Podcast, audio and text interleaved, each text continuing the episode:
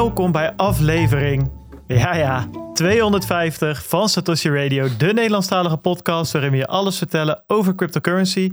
Ik ben Bart Mol en ook ja, niet voor de 250ste keer, maar wel in de 250ste aflevering word ik weer vergezeld natuurlijk door Bert en Peter Slachter. Het voelt, Goedemorgen. wel zo, dus dat- wat dat betreft zit het wel goed. Goedemorgen. Nou, je bent, jeetje, ik had verwacht, wow, applaus, hey, applaus, applaus. Maar nee hoor. We hadden het er gisteren over. Van gaan we nog, eh, want we hadden ooit bedacht, misschien doen we een soort live show.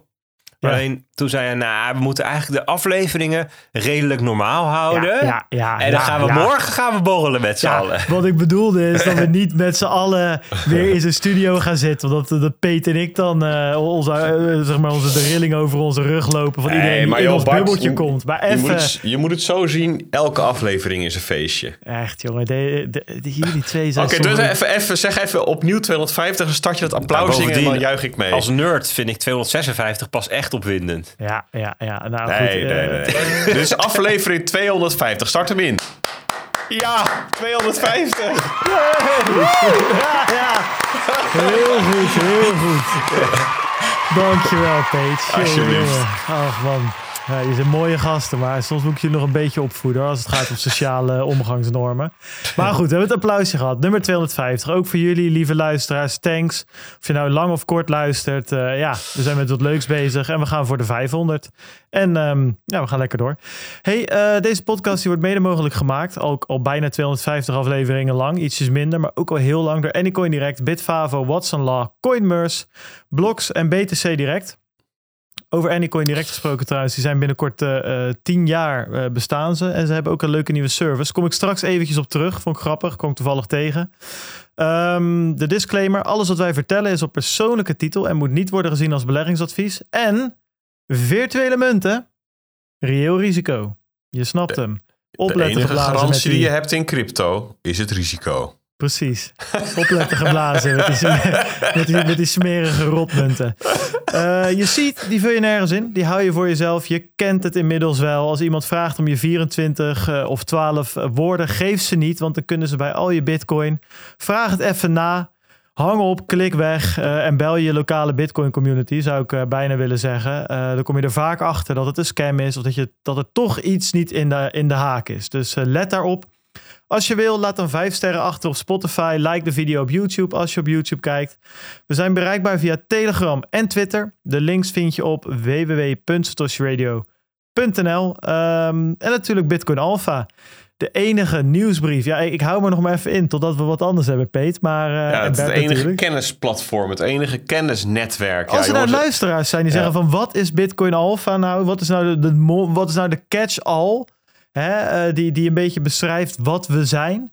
Laat het even weten. Ehm, de enige nieuwsbrief, het enige platform of, of gewoon een hele nieuwe tagline. Zijn jullie een beetje klaar met beschermd en versterkt? Kan ook natuurlijk. Hè? Even, laten we eens even een klein marktonderzoekje doen.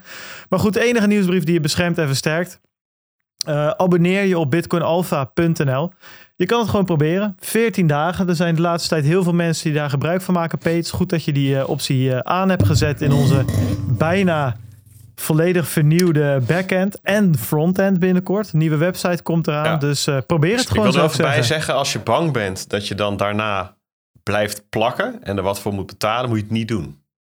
Dat is een beetje het risico van de meest start is dat je er niet meer mee wil stoppen. Ja, precies. Nee, ik dacht even dat je ging zetten dat je welke dark patterns je geïmplementeerd had, dat je niet meer kan stoppen, maar het is Nee, dat je gewoon niet meer wil. Nee, hè? Het nee, is, het ja. Dat vrij, vrijwillig. blijkbaar. Ja, precies. Ja, ja, ja.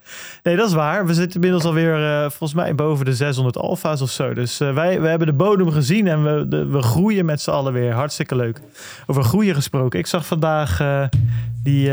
die eh, Oh, ik denk, nou komt er iets heel funzigs. Maar nee, fijn. nee, helemaal niet. Nee, ik zag die, ik zag die gouden zeswieler van Joël Beukers. die kwam, Oh man, man, man, man. ik liep toevallig, ik liep naar de metro en toen zag ik dat ding staan. Echt een unit, jongen, helemaal in het goud. Nou ja, anyways. Hey, morgen. Zat onze poederkoning er zelf in of nee, niet? nee, dat is niet. Volgens mij eh, opa Beukers of zo. Ik weet het niet. Maar eh, Het is, het is een familieauto. Daar kun kan je even boodschapjes mee gaan doen. ja, nou ja, daar kan je inderdaad wel mee naar de, naar de groothandel. Ja, dat is ongekend. Jongen, jongen. Eh, morgen inderdaad, er werd net al even door de mannen aangerefereerd. Eh, gaan we feest vieren voor de 250ste aflevering. Vanaf een uurtje of vijf bij Jan in Café de Roemer. Eh, maar hij is natuurlijk de hele dag open. Dus als jij er vanaf 10 uur eh, koffie wil drinken, eh, taart wil eten en daarna over wil op de biertjes, dan kan dat. Biertjes zijn natuurlijk te betalen met Bitcoin, met Lightning. Zowel de speciaal biertjes van Jan als de Lightning biertap die we er hebben staan. Jan zorgt ook voor eten. Zal weer vette saté worden. Eh 22,50 kan je gewoon lekker je maagje eh, rond eten of je buikje rond eten. Dan hebben we ook nog de limited edition t-shirts. Nou, ik heb ze gezien, althans, ik heb een fotootje doorgekregen van de drukker. Ze zijn echt heel vet geworden. Die zijn te krijgen voor 35 euro, alleen in bitcoin te betalen. Dus eh, zorg dat je goed gevulde wallet hebt, maar dan ga je wel naar huis met heerlijk eten, heerlijke biertjes en een limited edition t-shirt. Dus dan eh, weet je dat je goed zit. Morgen eh, bij Café de Roemer in Haarlem. Laat het even weten via eh, slash Satoshi Radio als je erbij bent. Ehm, maar iedereen is welkom. Verder geen en- entreeprijs, de, geen, geen tickets. Dus gewoon eh, gratis eh, meedoen. Ik zei net ook al eventjes dat er eh, dat Anycoin direct wat leuks heeft. Die, hebben namelijk een, een ordinal inscription service in, opgetuigd. Kan je het mee eens zijn of niet mee eens zijn? Dat maakt me verder niet zo heel veel uit. Maar wat ik wel grappig vind is dat gewoon een Nederlandse partij eindelijk weer eens even een beetje aan het Bitcoin hackathonnen is, zeg maar. Dus wat kan je doen? Je kan een eh, plaatje uploaden en dan kan je zeggen voor hoeveel eh, je fees eh, je wil zetten. En dan eh, wordt die eh geïnscribed op de blockchain. Dus dat eh, ja, vond ik geinig. Hey mannen, hoe was jullie week? Hoe was mijn week? Mijn week was. ehm, Ja, hoe zal ik hem eens beschrijven? Het was, dit was weer. Eh, het wa- het was weer zo'n week. Het was me het weekje wel. Ja. maar dat, was, eh, dat, dat kwam, kwam er niet eens zozeer door. eh, ja, het kwam ook wel door crypto trouwens. Maar nee, toch wel, de, toch wel al het tumult in de banksector. Dat was toch wel een beetje de rode draad zo sinds af eh, vorige week vrijdag. Ja, want, want de week, dat is natuurlijk sinds vorige week donderdag. Hè? Dus dat was, dat, was Ja. nog, dat was nog voor de Silicon Valley Bank echt Zeker. in de Ja. problemen Nou, kwam. to- toen, toen tijdens de aflevering hebben we het wel gehad over de val van Silicon... Nee, van, Nee, Silvergate. van Silvergate. Ja. Ja. Inderdaad. En, en, en de geruchten rond Silicon Valley Bank... die kwamen op dezelfde dag ongeveer eh, echt Klopt. op. Toen, toen, toen Bert- begon er een relatief Bert in de grote groep alpha. investeerders over te praten. Ja, dus ik kon En- op vrijdag kon ik er net wat over schrijven al. Ja. Weet je, dat was dan dat, dat en dat is dan dat was de eerste dag na eh, aan het begin van hoe was je week? Ja, het is was wel bizarre. Het is gewoon wel een bizarre week geweest. We bedoel, gewoon, gewoon een, een bank, de, de op één na grootste faillissement. Ja, echt faillissement is natuurlijk ook niet, want ze zijn gewoon eigenlijk over, overgenomen door de regering. En, en, en nu gaan ze verkocht worden. Dus op zichzelf bestaat de Silicon Valley Bank nog gewoon. Uh, hebben een faillissement niet, niet gewoon, het bestaat nog. Wat zei je? Ze hebben een faillissement voorkomen door in te grijpen. Precies. Ja, want dus, ze- dus ze- dreigde te vallen. Hè? En, maar goed, ja. Ja. hoe dat dan precies voorkomen is, daar gaan we het straks nog wel even over hebben. Precies. Maar dat is toch op één na grootste faillissement zou het zijn geweest als die wel was gevallen. Als ze dat hadden laten gebeuren. Ja, ze noemen het wel een bank failure. Hè? Dus, eh, tenminste, ze, er zijn heel wat mensen die maken nu lijstjes. En die zeggen dan... Silicon Valley Bank is de één na grootste bank failure ooit Ja. of sinds dit of dat. Dus men, men beschouwt het wel als het falen van de bank. Maar als je zeg maar kijkt naar de boeken... Naar, naar de boekhouding, dan is, dan, is het, dan is de bank niet failliet gegaan... doordat men het, het onderliggende probleem heeft gesteriliseerd. Je Daar kan gaan het we straks over een, hebben. hoe- eh, een eh, central dan? bank failure noemen misschien. Maar dat is misschien een leuk om het straks even Nou, over te de grap, de grap is dus, dat, dat, dat, dat- we gaan straks over het mechanisme hebben, maar dat ehm, ehm, door tijd te kopen, en dat kan die centrale bank doen, hoeft de, ehm, eh, levert de centrale bank ook niet in. Dus er is niemand Ja. die nu verlies maakt. Dat is dus op zich de grap, door de tijd in je voordeel te gebruiken. Gaan we straks even eh, op, eh, op, op terugkomen. Ja, en je zei het al, Peter, crypto. Bitcoin Ja. eh, spoot eh, aardig omhoog eh, eventjes zo. Ja, dat, dat, dat deed dan weer precies wat niemand verwachtte, denk ik. Nee, nee. En, en ik denk ook dat het een van, de, eh, een van die zeldzame keren is dat, dat je ook wel echt moeite moet doen om de vraag te beantwoorden. joh, Waar, waarom is die nou eigenlijk, waarom is Bitcoin nou eigenlijk gestegen? Zeg maar, waar heeft het nou mee te maken? Is dit echt? Is het niet echt? Betekent dit wat? Hoezo is dit? Wat, wat, wat Ja. betekent dit dan? Maar, de- ja, de- de- en, maar zo'n week levert ook weer allerlei kansen voor ons om hele, hele leuke alfaatjes te schrijven. Dus we, en ik, ik, dat ja, vind ik leuk, vind ik mooi. Kunnen we, kunnen we doen waar we goed in zijn en dan wordt het ook weer gewaardeerd. Dus Ja. eh, het, was een loop spannende, chaotische, leuke, interessante week. En ik kijk nog steeds eigenlijk, ik zeg elke keer, ja, kijk wel vooruit naar de komende 48 tot 96 uur. Maar dat blijft ook zo. Het blijft gewoon een moving, eh, mo- moving window. ja. Ja, ik, ik was vorige week een beetje ziek. Tenminste, ik was Mm. anderhalve week geleden was ik echt ziek. Gewoon grieperig. even tussendoor, jongen. Dat was niet normaal. Ik heb vorige week een partij vies snot uit die aflevering zitten Ja, jongen. Echt, ik denk dat de luisteraars echt als ze hadden geweten wat, er niet, wat ze niet hebben gehoord, zeg maar, dan was het niet normaal. Ik zat dat te knippen en eh, het kwam Maar- ook dwars door alle noise gates heen. Maar goed, We het- zullen, we het- zullen het het- ook, ik zal het even uitleggen aan de luisteraars. Kijk, Ja, wat wij doen, wij gebruiken Riverside. Dat is best wel vet software waarbij je heel mooi met z'n drieën iets kan opnemen. En ehm, daar zit een mute-knop op. En als je die mute-knop indrukt, dan horen Bart en Peter niets van wat hier zich afspeelt. Alleen het wordt wel opgenomen. Want Bart gebruikt de lokaal opgenomen hoge kwaliteitsgeluidsdata. En dus ik heb hem braaf elke keer gemute. En Peter trouwens ook, want die moest ook af en toe goed ja, niezen. En nou jongen, dan denk je van hij is gemute. Dus ik kan even ongegeneerd hoesten of niezen. Weet ik Oh veel ja, wat. Maar dan krijgt was dus het gewoon op een gegeven moment. vol in zijn oorschelp als hij dat gaat editen. Dus dat Ja, was... goed. eh, Dit, zo- eh, maar dat fixen we allemaal voor jullie jongens. Dus ja, jullie hebben dat het gewoon... enkel. Ja, maar dit had ik niet kunnen maken. Dat had echt ten koste gegaan van. Nee, maar we moeten eigenlijk is het gênant dat we nog niet gewoon even een fatsoenlijke hardware eh, hier hebben staan. Dat we met, met een fysieke mute knop. Ah, of gewoon, zo. je hebt wel fatsoenlijke hardware. Je hebt gewoon de, industry standard eh Ah, man, ik heb hier een pauper versie van de Focusrite staan. Volgens Ja, mij. Ik heb een paupered versie. Gewoon I, 2i2. Dat is gewoon... eh, dat, Ja, nee, maar echt, dat, dat is prima. Alleen inderdaad, een, een mute-knop ik- eh, fysiek zou, zou handig zijn. Bedoel, het is toch Maar- wel een beetje gênant dat er geen mute knop op zit. Ja, dat, dat, dus hij zit soms ook op microfoons. Hè? Dat zit hij bij ons ook niet. Maar even terug naar mijn week. Dus ik was vorige week. Ik was ik had al eens een beetje grieperig geweest. En toen vorige week inderdaad, vorige week donderdag... Toen, toen werd ik inderdaad ook ineens onwijs verkouden. Dat bleek dus een keelontsteking te zijn. Oh. En ehm, daar heb ik dus vrijdag en zaterdag echt last van gehad. En alles wordt dan ook een beetje een blur. Want je zit dan eh, op een gegeven moment vol onder een mooi eh, niveautje van paracetamol. Slecht slapen en zo. Dus alles. En, en dan ook nog die markt waar dan voortdurend van alles gebeurt. En centrale banken die inspringen. En de media die gaan interpreteren. En is het besmettingsgevaar of niet? En, en USDC die, de, die zijn pack verliest. En, dat, en ook in mijn hoofd werd het een soort één grote in elkaar overlopende hallucinatie van allerlei ehm, omvallende financiële markten. Dus wat dat betreft een heel bijzonder weekend. Maar gelukkig in, in de loop van, de, van, de, van deze week werd het weer beter. En dinsdag, eh, gisteren, toen mocht ik dus ochtends om ehm 7 uur bij BNR ehm, wat vertellen over Bitcoin. En dat vond ik wel bijzonder, want ehm, hè, dus, dus wat er gebeurde is dat de financiële markten gingen maandag reageren eh, bij de opening van de Amerikaanse beurzen om half twee is dat nu even tijdelijk vanwege de zomertijd. Eh, en eh, dus in de, in de loop van de middag dan ontspint zich die reactie.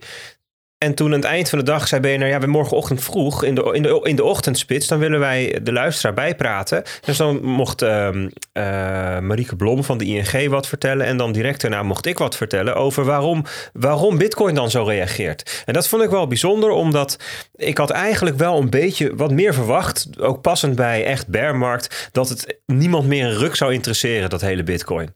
Zo van, oké, we gaan nu kijken, nou, wat doen de bankaandelen? Hey, goud doet wat leuks en wat doet de rente en wat gaat Jerome Powell doen? Bitcoin lekker belangrijk, weet je dat? Dat hoort wel een beetje bij, ehm bij bearmarkt, weet je. De, consumenten zijn er niet meer mee bezig.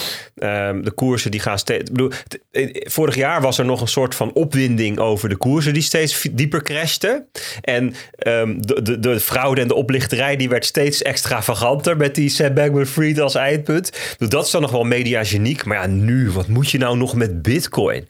Maar toch wilden ze daar graag even over hebben. Dus dat vond ik wel vet. Dat, eh dat eh Ja, verbaasde ik denk, wel. ik denk natuurlijk dat dat. eh, ben, ik ben benieuwd hoe dat was geweest als Bitcoin gewoon zoals verwacht mee was gegaan in de misère, zeg maar. Het was nu natuurlijk ook een soort van die asynchrone move. Dat het Mhm. best wel eh, bull market achtig hard omhoog knalde, terwijl de wereld in de fik stond. Dat, dat, dat overkomt Bitcoin niet zo heel vaak, zeg maar. Dus dat is misschien een, eh, eh, een verklaring daarvoor. Maar wel leuk dat, eh, dat je even aan mocht schuiven. Ja, Hoe lang was dat?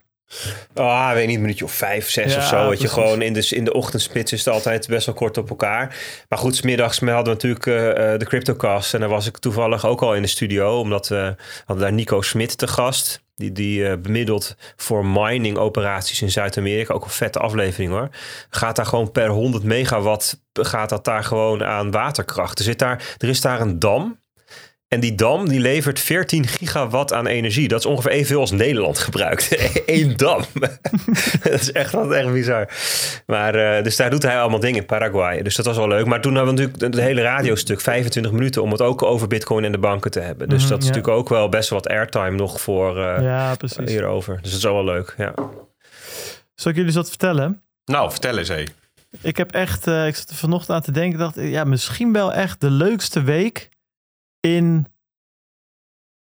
15 jaar gehad of zo. Wauw. Maar eh, moet ik even een beetje opletten. eh, eh, stel dat mijn vriendin eh, toevallig luistert deze aflevering of zo. Dat, niet niet op, op het vlak van de liefde of zo, of whatever. Maar gewoon puur even individueel, persoonlijk vlak. Was dit eigenlijk de week eh, dat ik het voor het eerst voor elkaar heb gekregen om iets dat in mijn hoofd eh, zat, daadwerkelijk om te zetten in enigszins werkende eh, Python-code. Met hulp van mijn grote vriend, die geüpgrade is, ook midden in dat proces, GPT 3,5, eh, inmiddels GPT 4. GPT 4, dat is een ja, AI-model van OpenAI, is een chatbot. Ja, en daar kan je alles aan vragen wat je wil. Eh, maar dan kan je dus ook gewoon vragen van... joh, ik wil een donatiebot maken op Telegram. En ik wil dat graag met Python. En ik snap er verder niks van. Dus schrijf eerst het stappenplan uit. En schrijf daarna pseudocode. En schrijf daarna de echte code. En dan, dan zie je het gewoon voor je neus. En dat rits, rits, rits. Komt het allemaal onder elkaar. En dat werkt dan vaak niet helemaal direct. Alleen het helpt voor iemand zoals mij wel om ja, een beetje te begrijpen wat nou... ehm, de relatie, wat, wat, nou, ja, wat je nou aan het doen bent, zeg maar. Want normaal, ik zat een beetje te vergelijken. Hoe kan ik dit nou, hoe kan ik dit nou goed vertellen? Het is een beetje alsof ik wil jaren leren programmeren. Ik weet dat ik het leuk ga vinden. Ik vond het vroeger leuk om met Lego te spelen. Ik vond het vroeger leuk om hutten te bouwen. Ik vond het leuk om dingen te maken. En ja, of je dat dan met spijkers of schroeven doet, uiteindelijk zit het vast. En weet je, het, ik vind dat gewoon, ik vind dat leuk. En nu had ik het idee van, ik wilde dit leren alsof ik aan de skilift stond en ik zag al mijn developer vrienden lekker met dat liftje omhoog gaan. En ik, kwa, ik kreeg dat ding maar niet, weet je wel, die gekke skiliftjes waar je, waar je zo'n ding tussen je benen moet stoppen. Het donderde er elke keer uit. Ja, en het lukte niet. En soms kwam je 10 meter verder en dan kwam ik een keer omhoog en dan bleek ik op een Heb piste. je wel eens geskiet trouwens? Ja, gesnowboard een aantal keer.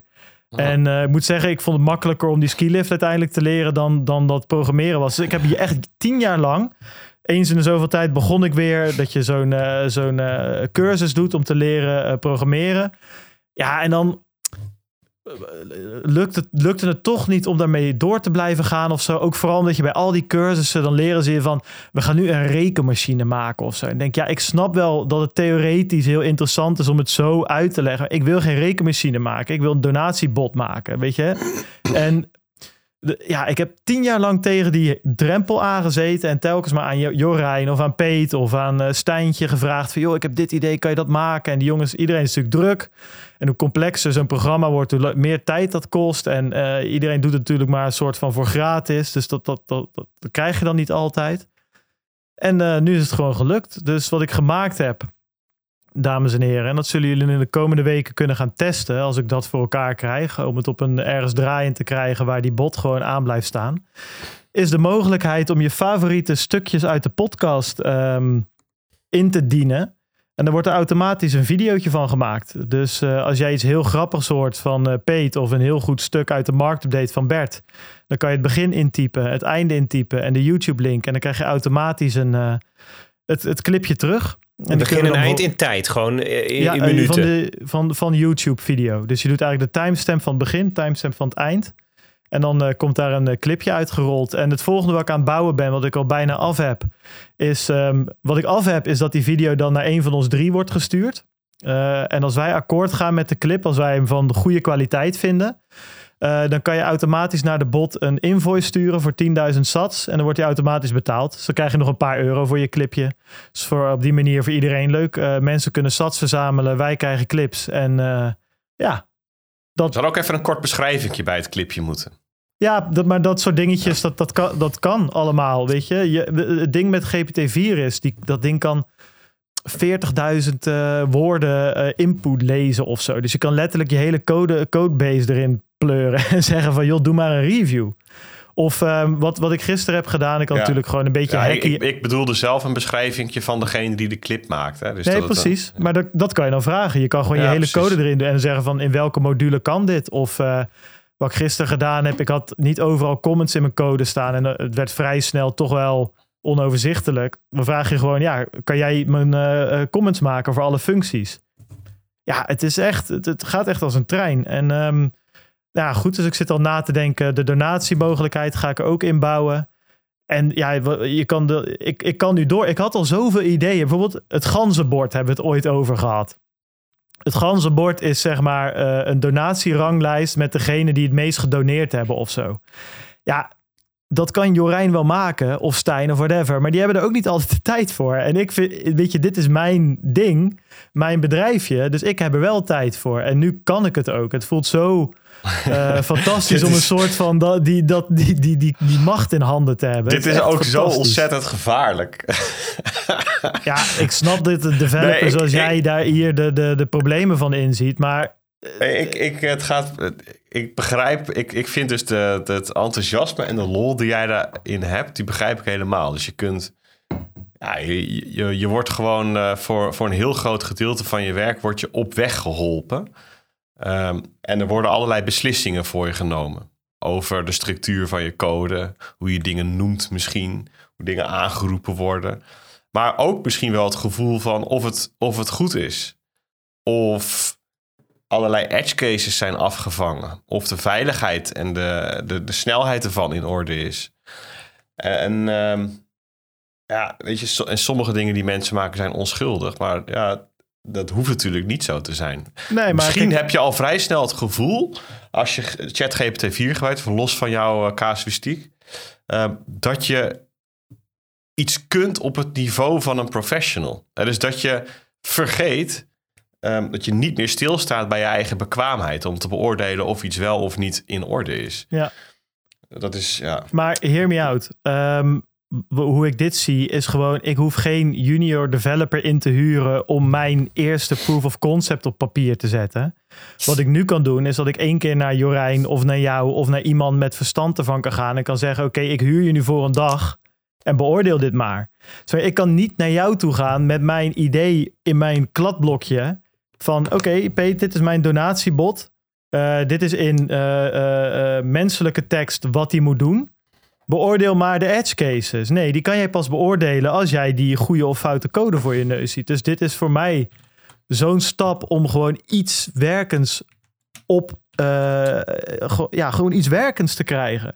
Ja, en ja, het, goed, ik ben hier voor de rest ook niet... van ideeën, dat is echt, ja, dat, zeker. Dat, dat, dat, gaat echt vliegen, inderdaad, op deze manier. En ik ben ook geen Amazon aan het maken. Ik ben een Stoshi Radio Telegram bot aan het maken. Dus weet je, uiteindelijk de wallets waar die aan gekoppeld zijn, er zit een paar uiteindelijk zorg je gewoon dat er max 100.000 sats in zit of zo.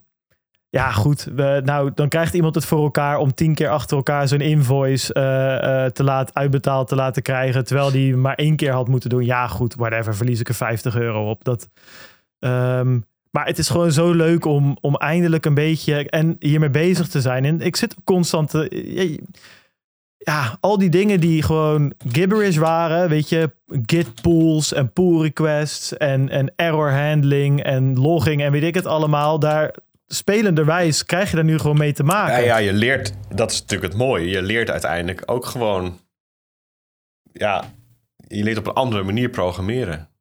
Ja. Ja, en, en, um, en misschien ook wel gewoon uh, uh, voor heel veel mensen de manier om het te leren. Dat hele procedurele of theoretische gewoon nooit aansloeg. Uh, en, en doordat je je eigen ideeën, je eigen uh, ja, fantasie zeg maar kunt uh, concretiseren, dat het dan wel gewoon werkt. Dat dat het setje is dat je nodig hebt. Met daarbovenop iemand of iets uh, die je aan de hand neemt. Want dat is in feite wat er gebeurt. Ja. Heel tof. Ja. Ja, en weet je uiteindelijk of je nou gewoon je code snippets van uh, Stack Overflow trekt of ze aangereikt krijgt van uh, ChatGPT. Ja, goed, weet je. Het, het is gewoon zoveel. makkelijker om. Wat ChatGPT kan, is de context bepalen. Dus je krijgt een error terug van een een of andere eh, module die je gebruikt, of van een of, eh, eh, van een of andere Python library of zo. En normaal moet je dan die errorcode opzoeken. Alleen Stack Overflow weet niet jouw specifieke situatie, zeg maar. En ChatGPT wel, want daar heb je net een heel gesprek mee gehouden. Dus die weet dat jij een Telegram-bot aan het maken bent. Die weet dat jij een Raspberry Pi gebruikt. Het is, de, de antwoorden zijn zo gepersonaliseerd die je terugkrijgt. Je kan alles vragen. Dus je kan zeggen, oké, wat bedoel je met dit stukje? En dan wordt er uitgelegd wat voor loop het is. Het is voor mij echt alsof je Jorijn, jou, Bert, uh, Stijn, iedereen achter me hebt zitten. Jullie zeiken niet. Jullie gaan niet met elkaar in discussie over welke library beter is. Maar geven gewoon antwoord op mijn vraag. Met voorbeelden nog, nog wel eens. Nou, het is fantastisch. Nou, anyway, jongens. Uh, jullie zullen daar uh, cool. nog wel wat dingen van langs zien komen. Maar ik, um, ja, ik ben me ervan bewust dat ik peak Dunning-Kruger ben op dit moment. Maar feit is dat ik meer uh, werkende code heb geschreven afgelopen week dan in de 33 jaar daarvoor. Dus dat is echt uh, heel erg leuk. Oké, okay, dan denk ik uh, dat we even gaan bespreken wie de donaties hebben gedaan. We hebben 11 euro gekregen van een anonieme persoon en van Rob. Rob die zegt testje voor op de meetup tot vrijdag. Top Rob, we, zien je, we zien je morgen. Connect the World, die hadden Ton te gast van Lightning Checkout. Wij hadden Ton ook al eens te gast. En Ton was laatst ook bij de Cryptocast. Die heeft echt een soort media tour uh, gedaan. Een soort Mark Rutte, um, weet je wel. Die zat ook opeens overal natuurlijk in die... Uh, Caroline. En Caroline natuurlijk. Nou, laten we het daar allemaal maar niet over gaan hebben. Al, ik zat die programma's te kijken, die verkiezingsprogramma's. Jeetje, Mina, het bleef ook maar dezelfde quotes de hele tijd van... En de nieuwkomers. Kijken hoe de nieuwkomers het hier doen. Ja, weer goed. Oké, okay. en de zittende coalitie? Ja, slecht. Oeh, ja, de nieuwkomers. Ja. Nou goed, anyway. Um, maar uh, Ton heeft gesproken over Lightning Checkout bij, uh, dus bij Herbert, maar ook bij uh, Ed en Stef. Dus gaat luisteren, Connect the World. dan denk ik, Bert, toch maar eens even de marktupdate moeten hebben, want ik ben wel heel benieuwd. Ja. Jij zegt net dat je verteld hebt um, uh, op BNR waarom Bitcoin omhoog is gegaan. Dus uh, ik, ik, ik, heb het niet gehoord, dus ik, ik ben benieuwd. En natuurlijk ook naar de rest van de financiële en economische wereld, die toch wel een beetje in de fik lijkt te staan afgelopen week. Of valt dat toch wel mee? Ja, ja, fik, dat is de goede vraag. Is er fik? Ja, dat is een, het is een, een, hele bijzondere... Nou, het is een beetje de fog of war. Ken je dat concept, ja, ja. fog of war? Age of Empires. Age of Empires, ja, het, het idee dat je, um, en je ziet in computerspellen is dat soms gevisualiseerd ook op zo'n uh, overzichtkaartje en zo, maar dat, dat je soms niet goed kunt zien uh, om je heen hoe, hoe, uh, hoe de situatie is. Dus in, in een oorlogssituatie, dan um, heb je soms even het overzicht niet. Je weet niet hoe je, hoe je troepen ervoor staan. Je weet niet waar de vijand zich precies bevindt. Je weet niet welk gevecht uh, in je voordeel is uitgevallen. Uh, wat de situatie is ter plekke. En dat is, dat is ontzettend lastig. Je, je, weet niet, je, kunt, je hebt niet alle informatie. Um, en je moet dus gaan beslissen. Je moet beslissingen nemen met beperkte informatie. Nou, weet je, zo'n soort omstandigheid was het de afgelopen zes, zeven dagen ook op de financiële markten. Um, dat marktparticipanten zich um, ja, keuzes moesten, beslissingen moesten nemen over, hun, over hoe ze zich positioneerden, over welke bezittingen ze in hun portefeuille hadden, over welke uh, risico's ze gingen afdekken en op welke manier, um, zonder dat ze over alle informatie beschikten. Dus je ziet voortdurend zie je, de, uh, zie je dingen verschuiven, maar je weet niet waar het ophoudt. Je weet niet hoe ver het verschuift en hoe ver het eigenlijk verschoven is. Ja, dat is natuurlijk heel boeiend. Heel boeiend om te zien. Maar laten we het even vanuit het gezichtspunt van Bitcoin doen en dan um, en dan even refereren naar allerlei andere dingen die er omheen zich afspelen. Want dan kunnen we namelijk straks die banken, uh, het verhaal van de banken vertellen. Dat is denk ja. ik wel een leuke, leuke verdeling. Dan moeten we wel even beginnen bij, uh, bij januari. Um, toen, toen die koers uh, um, eigenlijk uit de, het prijsbereik brak van de, de wanhoop van december en november. Hè. Dat was een beetje zo 15, 16, 17.000 dollar. Het punt dat iedereen zei, nee hoor, we gaan nog naar 12. Nou, ik denk tot 14. Nou, ik denk tot 8, weet je wel. Dat was een beetje die tijd. Hè, eh, eh, eh, 10k is next. En toen brak ineens die koers, 14 januari en zo, omhoog naar boven de 20k. En ehm, die, die in, eer- in eerste instantie stopte dat even op, op 21,5. 21.500. Dat is een beetje de lijn in het zand toen. Daar brak hij later, een week later, 21 januari, ook naar boven toe uit. Toen gingen naar 24.000 en zo. Nou, eh, eh, half februari, het laagste punt was weer die 21,5. Dus het eerste aan de bovenkant, nu aan de onderkant. Daarna gingen we die 25.000 dollar proberen. En dat, dat was dus eigenlijk vanaf, laten we zeggen, eh, 20 januari tot ehm, 9 maart. Dus toch al een week of zes, is dat het prijsbereik geweest. 21,5, 25.000. Daartussen.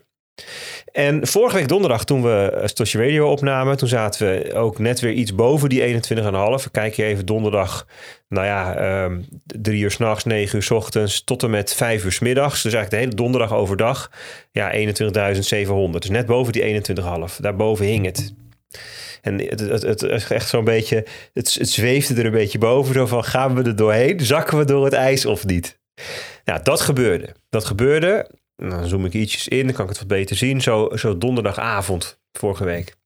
Dus nadat Stosje Radio online kwam, jullie allemaal het pingetje hadden gehad in je podcast-app. Toen krak zakte de Bitcoin-koers door die 21.500, waar die eerste paar keer nog op stuiterde. En toen ging het toch echt naar beneden. Toen ging het ook hard. Toen ging het naar v- voor middernacht nog naar. ehm, even kijken, wat is het laagste punt dat we hier hebben? 20, ja, 20.000 rond. 20.000 rond. Nou, is dit het dan blijven boven 20k? Nou, antwoord is nee, want in die nacht van donderdag op vrijdag ging het zelfs naar 19.500. En dat voelt dan toch wel weer echt heel anders dan die 25.000 die we eerst zagen. En toen was er best wel wat euforie ook onder... eh, de stemming was opgelaten, laten we het zo zeggen. Tjoh, wie had dat gedacht, dat op 25.000 zouden zitten? 60% hoger dan de bodem, weet je wel?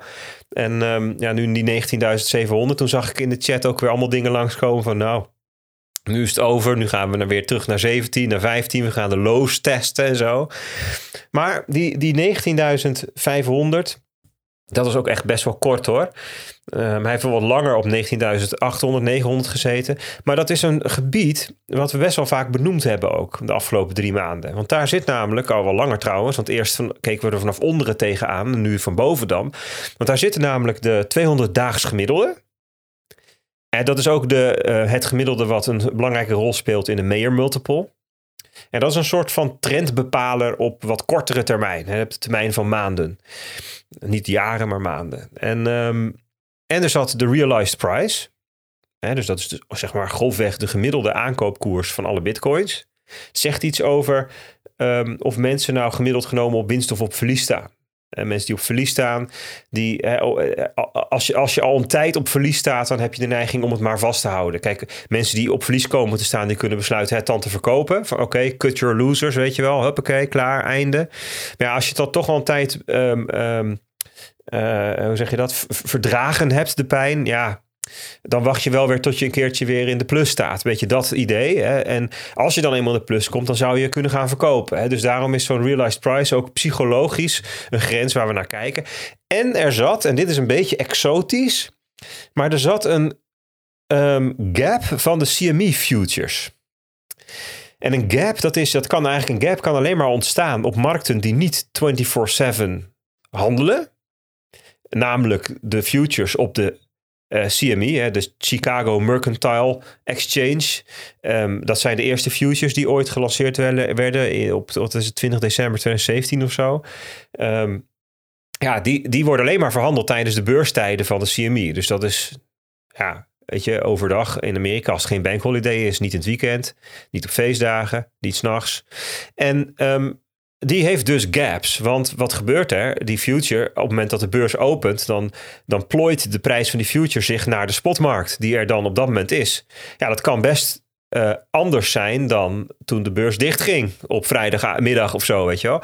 Ehm, en eh, in de praktijk blijkt, dat is verder geen natuurwet of zo, het is niet wiskundig noodzakelijk, maar het blijkt in de praktijk dat zo'n gap vaak gevuld wordt. Dus dat betekent ehm, dat die koers daar nog een keer komt in de toekomst. En dat is op zich niet zo gek, hè? want als je een gap hebt, dan betekent dat dus dat betrekkelijk kort, in korte tijd de koers daar langs heen gedaald of gestegen is. En want, want zo lang is zo'n beurs nou ook weer niet dicht. Het is vaak een, een nacht, weet je wel.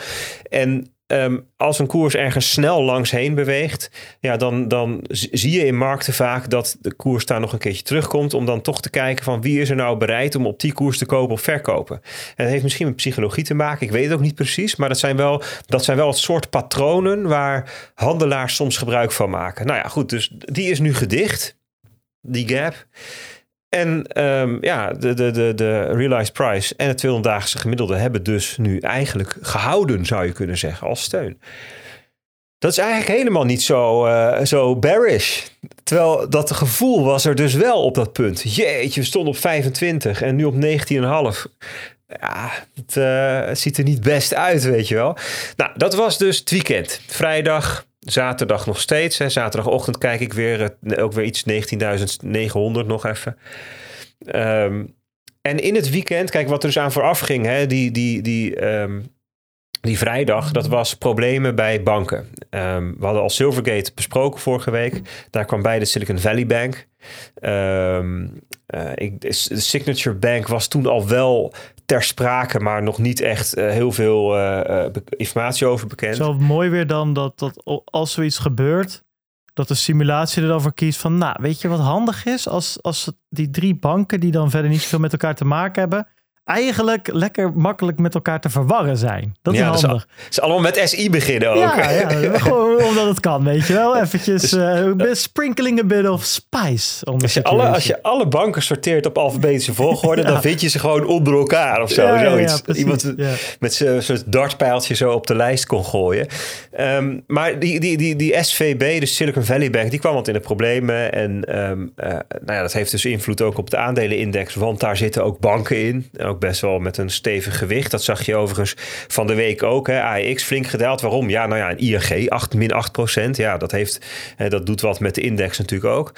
Um, en we zagen overigens Bitcoin, en dat is wel opvallende uh, informatie, die zagen we meedalen met de S&P 500. En daarmee bedoel ik dat als je die grafieken op elkaar legt, dat, dat, je, dat ze hetzelfde dalingspatroon volgen. Hè. Want het gaat natuurlijk nooit in één streep naar beneden, maar het gaat naar beneden en dan herstelt weer ietsjes, dan gaat het weer naar beneden. Maar, dus de timing en de hoeveelheden, ja, dat is haast alsof je het op overtrekpapier hebt gelegd. Dus dat, dat, daar, daar, daar haal ik uit dat de zwakte van Bitcoin um, en de cryptomarkt in het algemeen wel echt gedreven werd door de, ja, de, de, de, de, de, de, de zorgen de onzekerheid op de financiële markten in het algemeen.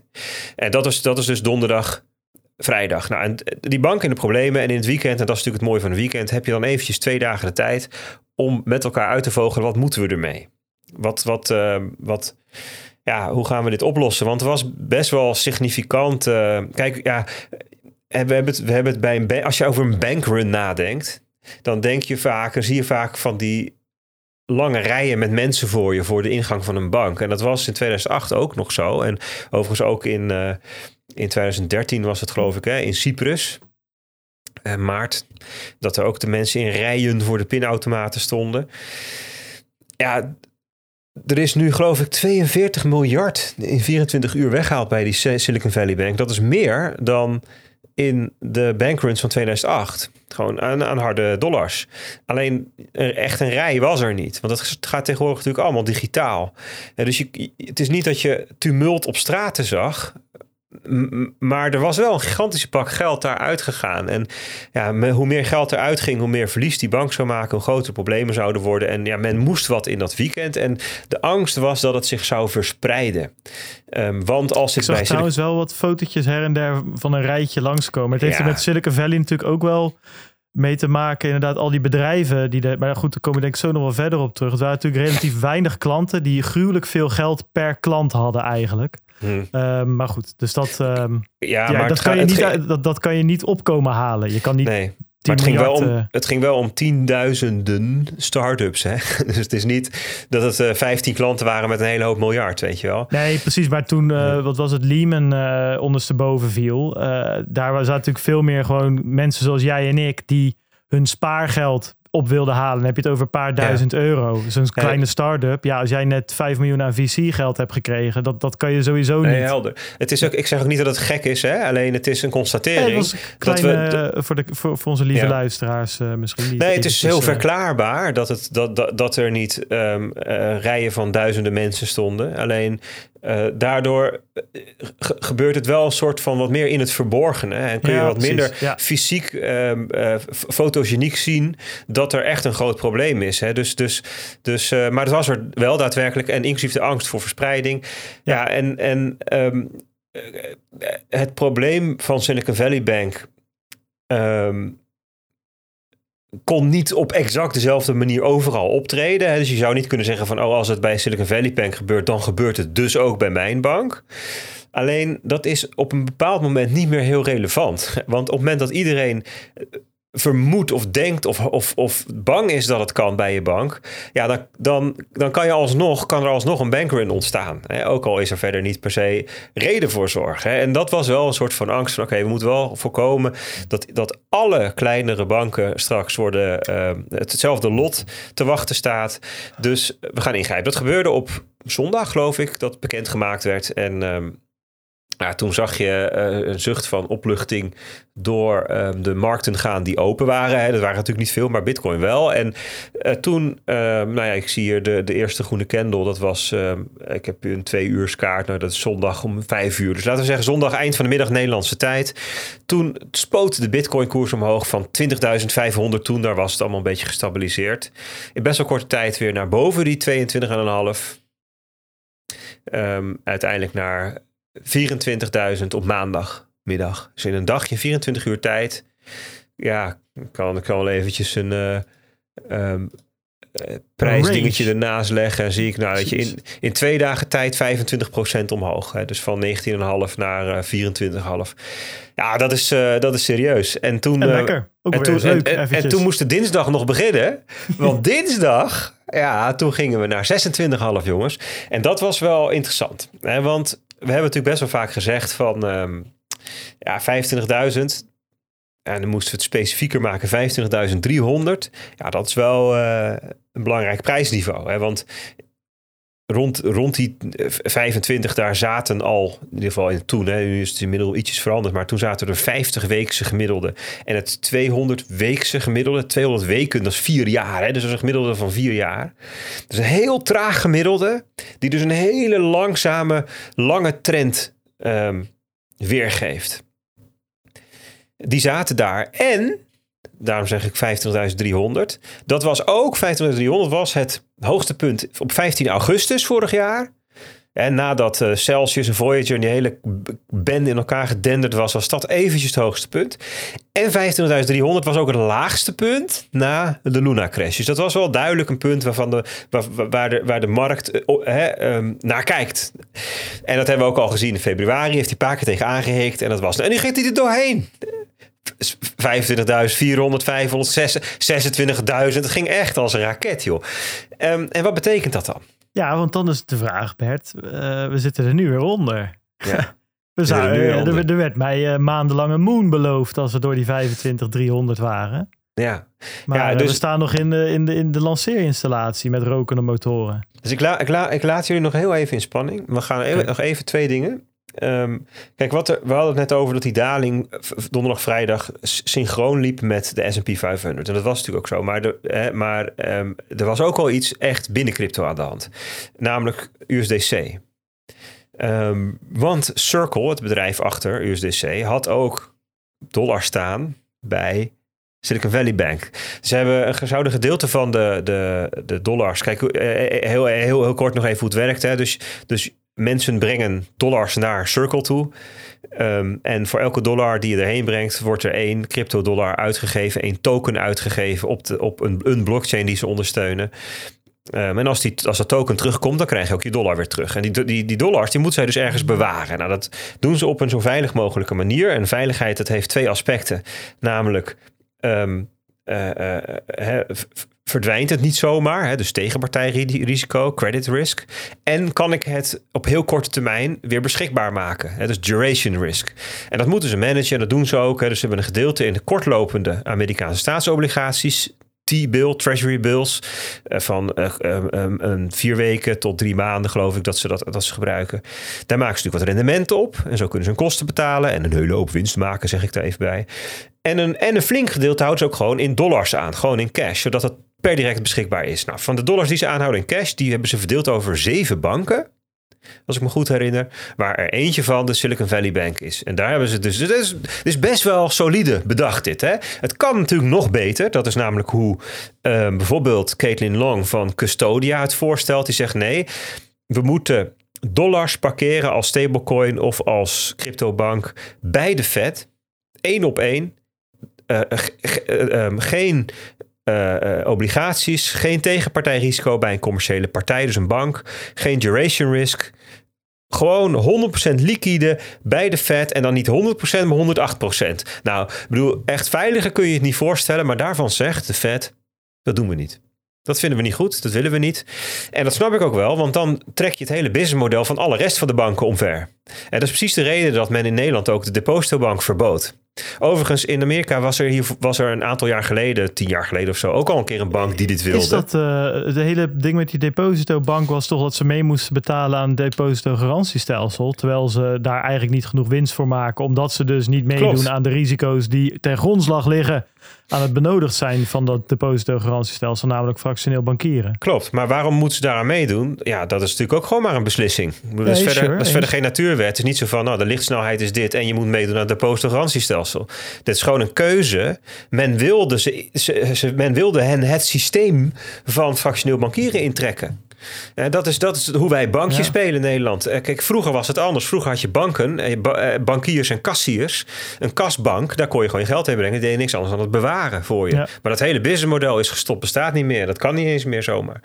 Eh, dus, dus, ehm, ehm, ja, dus het, het ken niet. En, Nee. eh, en dat was in Amerika ook. dat Dus in geldt ook voor Caitlin Long en de idee, klopt. maar dan in en- Amerika. en voorafgaand aan Caitlin Long, dus een jaar of tien geleden, was er ook al een bank, geloof de Narrow Bank of zo, die dat ook voorstelde, is toen ook afgewezen.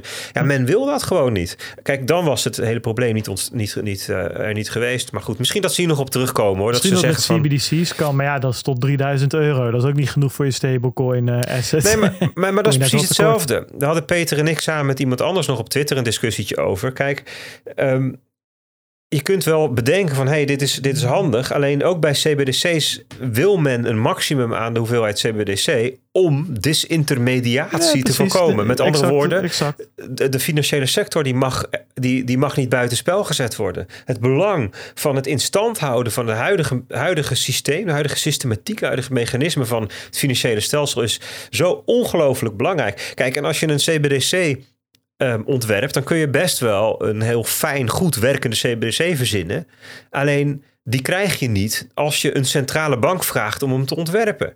Want als je centrale bank vraagt om een, CBDC te ontwerpen, dan krijg je een CBDC die goed is voor het financiële stelsel, zoals het nu is. En dus met allerlei beperkingen en limieten omdat anders het financiële stelsel er last van heeft vanwege de disintermediatie. Goed, lang verhaal kort. Ehm, eh, USDC of Circle die heeft dus geld bij Silicon Valley Bank staan. 3,3 miljard. Konden ze niet bij. En dus zag je Ongeveer zij... 7% van het totaal eh, aan... eh, Ja, 8% zijn ze geloof ik zelf. Maar inderdaad, zoiets die orde grootte, 7%, 8%. Goh, dat zat ik even ver naast. Ja, maar goed, wat wel heel opvallend was, de, de waarde van USDC ging naar 92 dollar cent. En dat is precies die 8% natuurlijk niet. Dat is op zich wel heel apart. Ik, Ja. ik weet ook niet of dat toeval is of niet hoor. Want ehm, het is ook. de- eh, stel dat Silicon Valley Bank had gefaald. Hè, dus een complete bankrun nu. En ze hadden verplicht al hun bezittingen moeten verkopen. Dan hadden de rekeninghouders alsnog wel 80, 90 cent per dollar gekregen. Dus op, hè, je zou kunnen zeggen, hè, die 92 cent die, waar USDC op een gegeven moment een tijdje op zat. Hey, dat is een mooie inschatting van de markt. Je kunt ook zeggen van ja, klopt natuurlijk geen reet van. Want het Mhm. had gewoon 98 of 99 cent moeten Ja. zijn. Maar goed, in ieder geval ging het naar onder de 1 eh, dollar. En ja, daar hebben mensen toch wel een beetje een soort traumaatje van. Want de vorige keer dat er een, een stablecoin met eh, hè, van tien, tientallen miljarden die pakte, toen was dat eh, was het einde oefening. UST, Ja. hè, Terra. Ja. Dus ehm, ja, je zag dat, eh, dat ehm, op allerlei plekken men de USDC's omwisselde naar andere stablecoins. USDT met name. Dus Tether, die werd op een gegeven moment 1 dollar 3, 1 dollar 2. Die werd boven de 1 dollar waard. Ja, dat is... Kijk, die, die markten zijn zeker decentralized ehm, eh, finance constructies, hè, dus de automated market makers, bijvoorbeeld de decentralized exchanges, die zijn niet extreem efficiënt in de zin dat arbitrage niet à la minuut is. Dus ja, je ziet, je ziet dan dat dingen uit balans getrokken worden eventjes. DAI had er ook last van en dat komt weer omdat DAI, de stablecoin DAI, ook USDC als onderpand gebruikt. Dus die ging ook in waarde omlaag. Ja, dus dat was even, eh, even dingen uit evenwicht. Ik heb gehoord dat er mensen waren die ervan geprofiteerd hebben... omdat ze een schuld hadden in USDC. En die hebben ze goedkoop afgelost in dit weekend. Met 8% korting. Dus het, ja, weet je, het is interessant wat er dan gebeurt. En ehm, ehm, nou ja, toen helder werd dat ook Circle weer over zijn geld kon beschikken maandag... Toen, eh, eh, dus dat werd zondag bekend dat ze er maandag over zouden konden beschikken. En ehm, toen, toen ging de pack ook weer terug. Dus op dit moment is USDC en USDT en DAI gewoon weer 1,00 dollar of 0,99995 of zo. Dus het duurt heel lang voordat weer echt precies erop zit. Omdat hoe dichter je bij die 1 komt, hoe minder lucratief de arbitrage wordt. Dus dat gaat dan wat langzamer. Uiteindelijk komt dat dus weer goed, want ja, het onderliggende mechanisme dus die kluizen met geld is ook weer goed gekomen. Maar goed, er was ook wel wat onzekerheid binnen crypto. En er was natuurlijk ook ander soort onzekerheid, omdat het ook ging om crypto-vriendelijke banken. En toch, ja, die banken die, bestaan niet meer. En toch ging crypto, ging bitcoin zo omhoog. Dus ja, ik moet zeggen, ik vind het wel bijzonder. Ehm, aandelen namelijk, we hadden het net even over dat die daling van de koers ging bitcoin redelijk synchroon met S&P 500. Uh, die aandelen die gingen niet omhoog. Zondag niet, waren ze dicht natuurlijk, maar ook maandag niet. Dus de, de S&P 500 die, die is ja, wat gelijk gebleven, wat uh, behoorlijk volatiel. Omhoog, omlaag, omhoog, omlaag. Het, het, het, ging alle kanten op afgelopen week. Maar zeg maar als je er een lijn doorheen trekt, wat omlaag.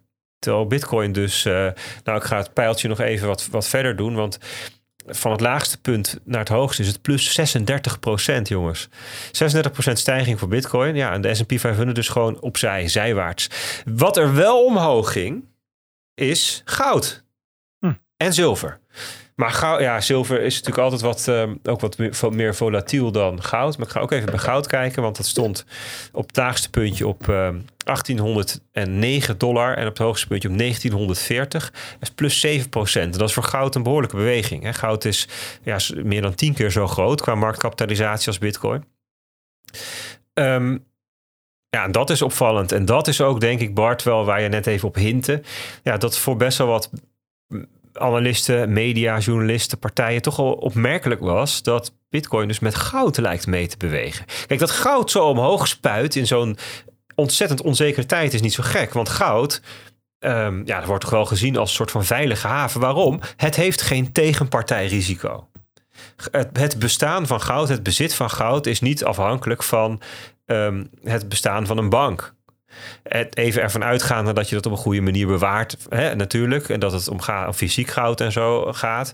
Maar um, ja, goud is van nature uh, een bearer asset. Een, een, een, aantoonder heet het dan in het Nederlands. Maar een tegenpartij risicoloos um, bezit. Ja, dat is Bitcoin natuurlijk ook. Ja, want is, is, is dat. Ik zat na te denken ook, hè, toen jij zei van de radio en ook van de week. Uh, toen, toen, stuurde jij uh, naar mij en Peter even een berichtje van... joh, jongens, moeten toch even een alfaatje schrijven. En Peter, een beetje hetzelfde idee van... ja, goed idee. Maar ja, als ik het zelf zou moeten doen... zou ik het heel lastig vinden om nu er wat over te zeggen. Want dit, ja, voor, voor mij in ieder geval... kwam het wel als een verrassing. En natuurlijk, als je dan een beetje hè, na gaat denken van... wat zal ik dan schrijven? Ja, tuurlijk kan je er wel... Hè, de, de store values en inderdaad de digitale goud. Maar dan, dan zou mijn vraag zijn...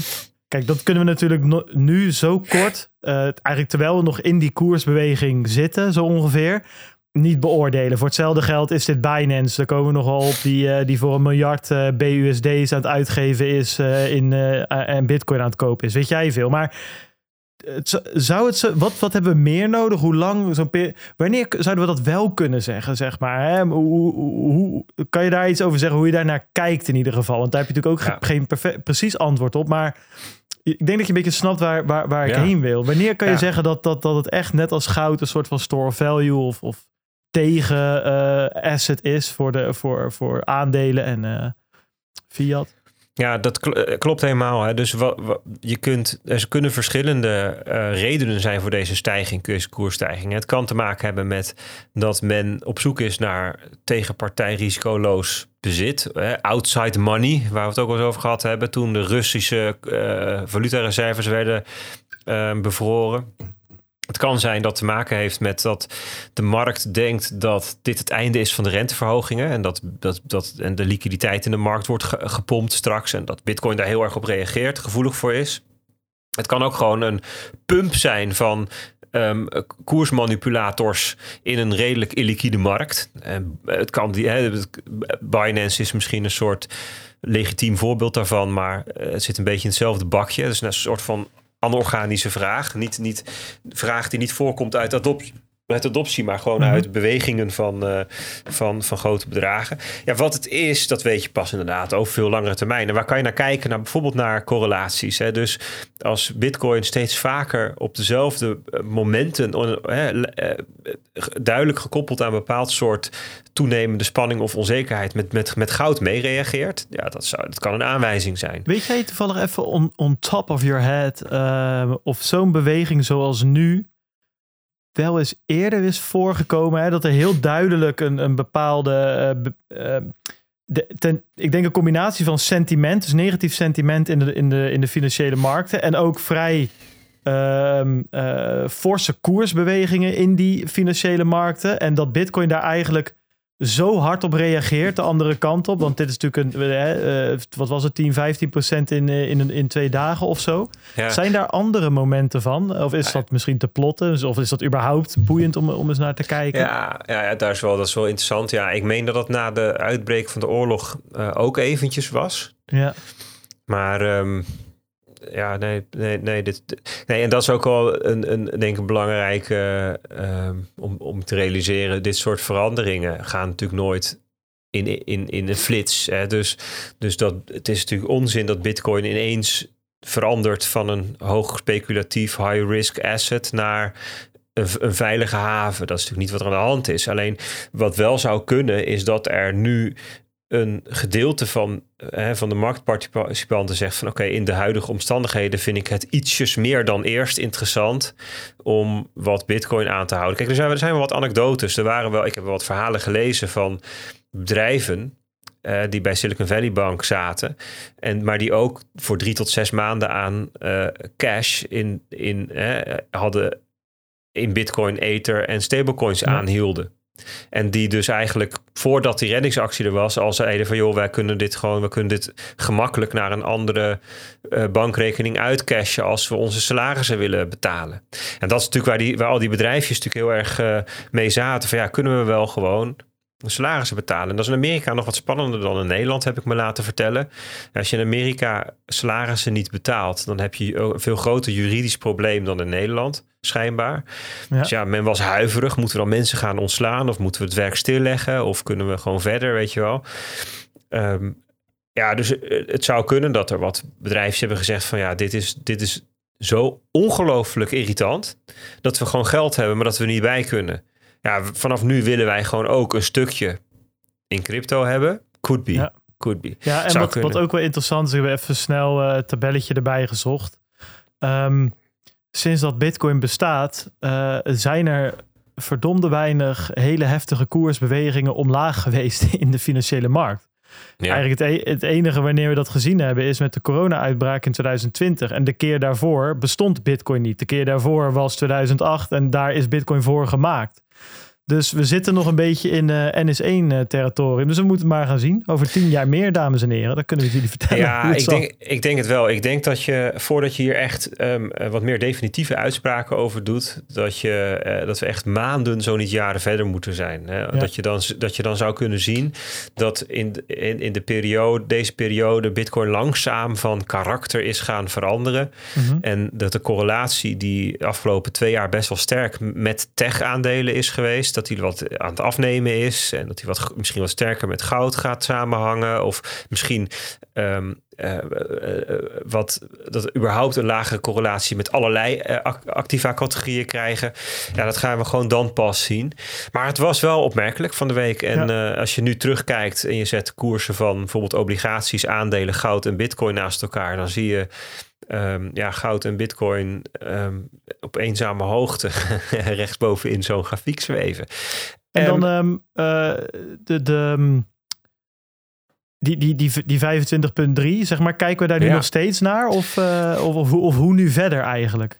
Ja, dus, dus wat je vaak ziet hè, rondom zo'n niveau is dat, daar, um, dat, dat men daar um, op handelt. Hè. Dus, dus boven zo'n niveau liggen dan bijvoorbeeld um, uh, punten waar, waar, waar uh, posities geliquideerd worden of stoplosses, weet je dat soort dingen.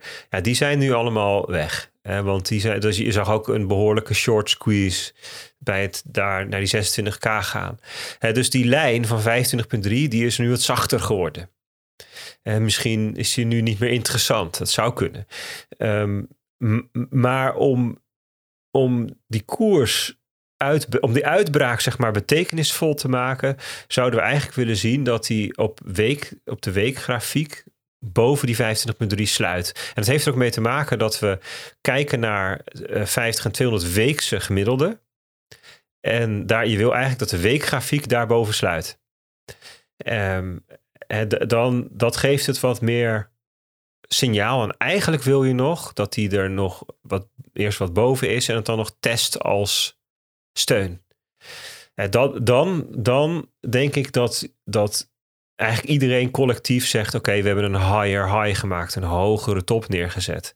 En um, het koersniveau van 15,3 met de betekenis die het had, namelijk de scheidslijn tussen um, een overduidelijk bearish trend naar um, niet meer die overduidelijke bearish trend. Um, die scheidslijn zijn we over. Kijk, betekent dat dan automatisch dat je nu in een boelmarkt zit? Nee, dat hoeft niet. Nou, je hebt ook in um, uh, allerlei eerdere momenten, hè, na 2015, in, uh, na 2018, um, ehm, heb je periodes gehad van, ja, laten we zeggen, een mixed market, waarin de koers ja, sterk stijgt, weer sterk daalt, sterk stijgt, sterk daalt. Wat eigenlijk wat zijwaarts gaat als je van een grote afstand kijkt. En die periodes van mixed market, een zeg maar gemengde markt, die worden. Um, daar, daartussen zitten dan sterke bearmarkten en sterke boelmarkten of sterke bear trends. periodes van dalingen, hele sterke daling. Dat het elke keer met watervalletjes naar beneden gaat. Nou, dat hebben we vorig jaar gezien. Dat hebben we in 2018 gezien. En sterke boelmarkten.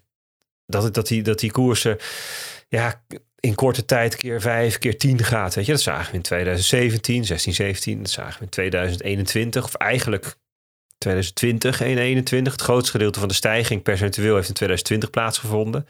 Voor ons gevoel is het vooral 21, hè, dat jaar van de boelmarkt. Maar het grootste gedeelte van die marktstijging lag eigenlijk al daarvoor.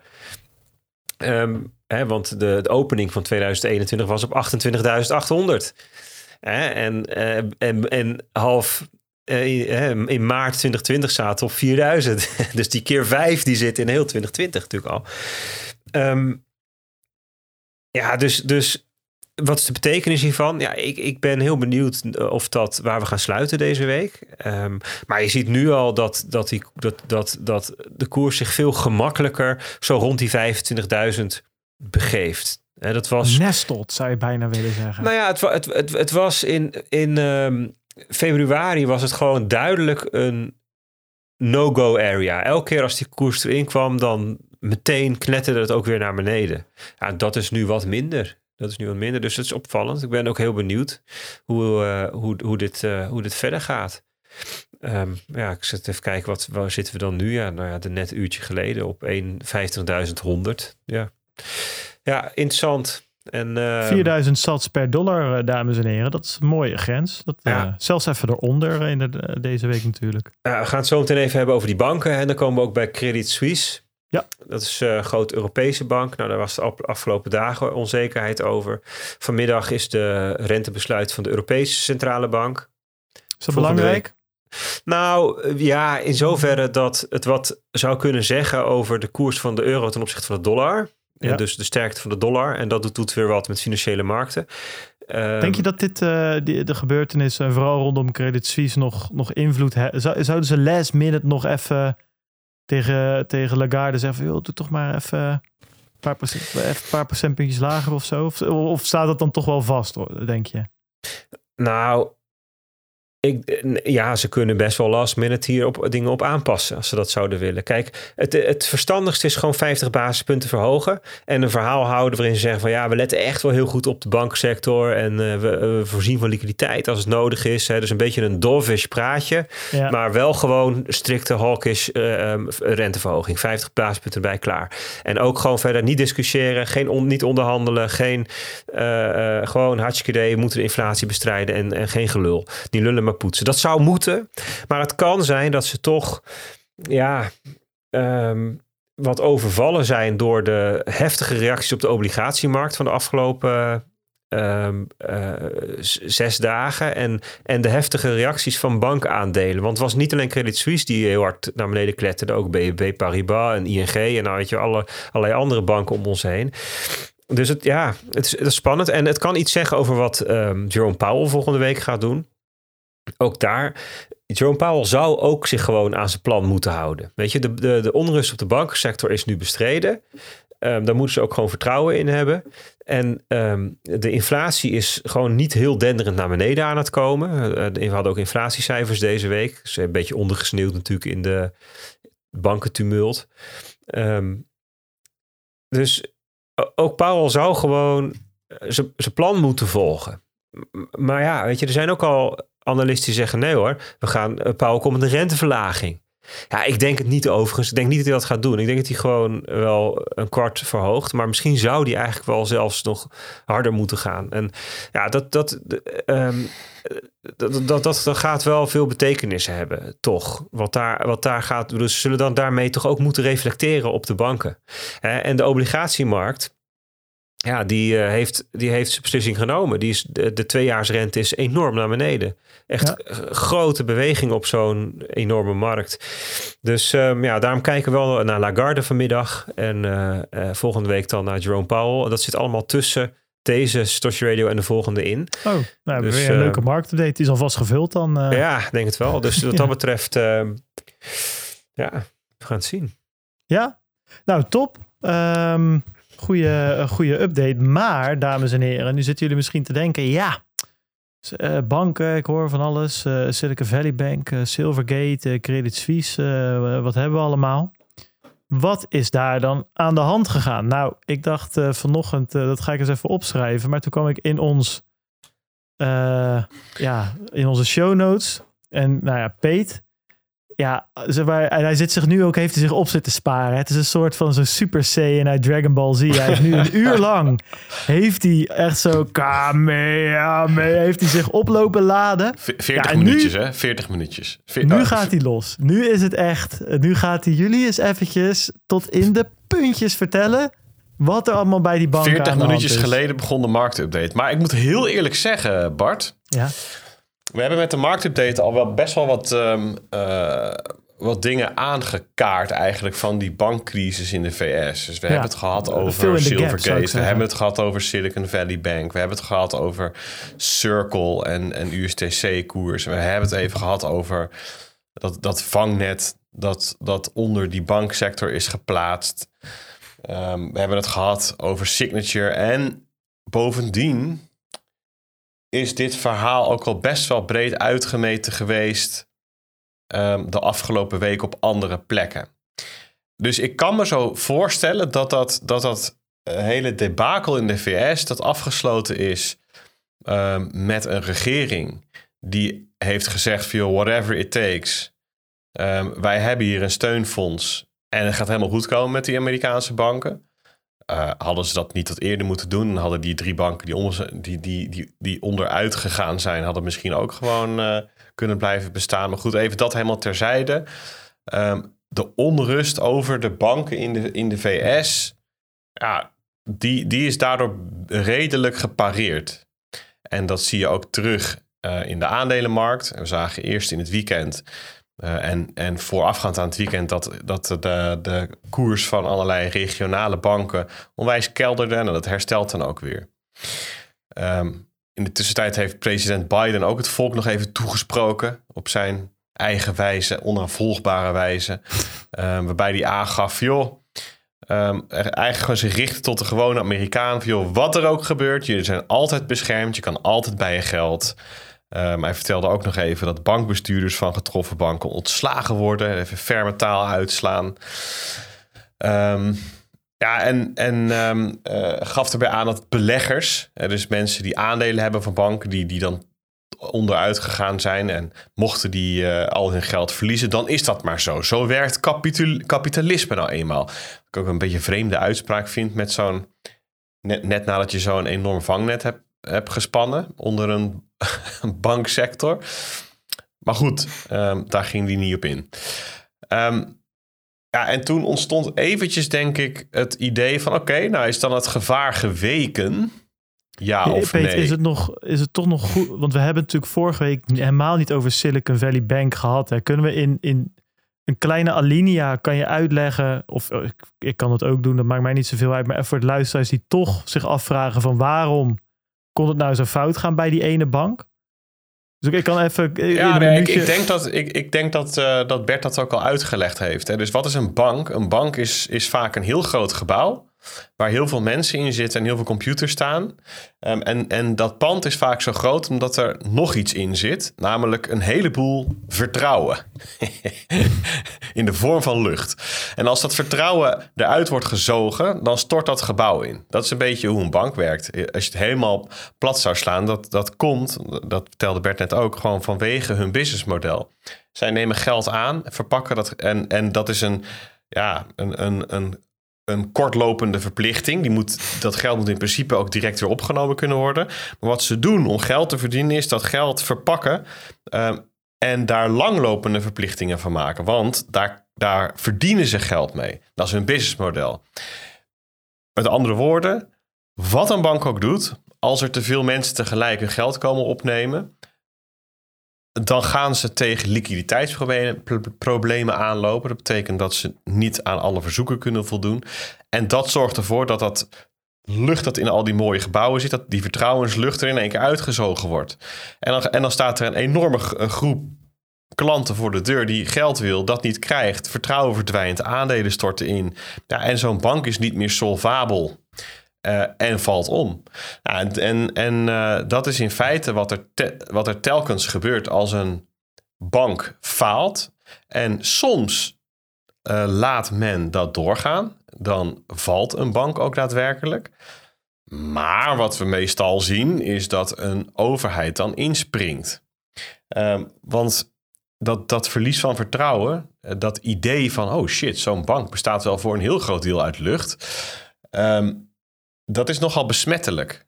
Dus als het bij één ja. bank gebeurt, dan denken mensen met deposito's bij een andere bank: hmm, wat nou als dat bij mijn bank ook gebeurt? Dan wil ik niet als laatste in de rij staan. En dan, ja, dat zijn gewoon self-fulfilling prophecies. Dan ga je daar dus al proberen vooraan in de rij. Dus er vormt zich dan een rij van mensen die ook hun geld willen opnemen zonder dat er eigenlijk een reden voor is. Ja, wat. Niets anders dan. Dat, uh, ja? dat, er een, een, dat men even tot het gezamenlijke inzicht komt van... oh shit, dit, dit, dit is best wel fragiel eigenlijk. Nou, en, en wat... Mag ik daar ja, één dingetje... Nou ja, wat, wat heel interessant is. Je beschrijft inderdaad perfect, zeg maar, het, het, het eindpunt. Misschien interessant is voor uh, de luisteraars... van waarvoor gebeurt het dan bij Silicon... Waarvoor verdween het vertrouwen bij Silicon Valley Bank... en niet zozeer bij andere bank, banken. Ja, natuurlijk bij, uh, bij, bij Silvergate uh, wel. Nou, wat, wat hier wel wat, wat interessant is, omdat die Silicon Valley Bank, veel mensen dat wel aan de naam al afgeleid hebben. Het is een bank die vooral groot is geworden met het geven van leningen aan startups in Silicon Valley. Dus dat zijn tech startups die eigenlijk bij andere banken niet zozeer aan konden kloppen. En wat interessant is, is dat heel veel van die bedrijven, of een aantal van die bedrijven die dus bankierden bij Silicon Valley Bank, in die periode, die bank bestaat sinds 82 of zo, in die periode zijn die bedrijven heel groot geworden en hebben ze gruwelijk veel geld verdiend. Dus die hebben een lening terugbetaald, die bleven daar bankieren en die stalden hun geld bij Silicon Valley Bank. Um, wat je dan dus ziet is dat ze, als je normaal gesproken wat jij zegt, een bank die moet geld verdienen. Nou, dat kunnen ze doen door met dat uh, met die deposits, hè, die klanten bij ze neerzetten, die banktegoeden, door uh, daarmee um, bijvoorbeeld staatsobligaties te kopen, wat ze nu hebben gedaan. Wat je ook vaak ziet, is dat er geld uitgeleend wordt. Ja, en dat, die verhouding was bij Silicon Valley Bank heel anders dan bij andere bedrijven. Dus Silicon Valley Bank had heel veel deposits, maar had vrij weinig geld uitgeleend. En daar verdienden ze ook niet zoveel mee. Dus ze moesten op een andere manier geld verdienen. Nou, toen hebben ze daar staatsobligaties van gekocht. Want inderdaad, die rente was op dat moment uh, uh, daarop hoger dan, dan, dan die, de rente van de Fed.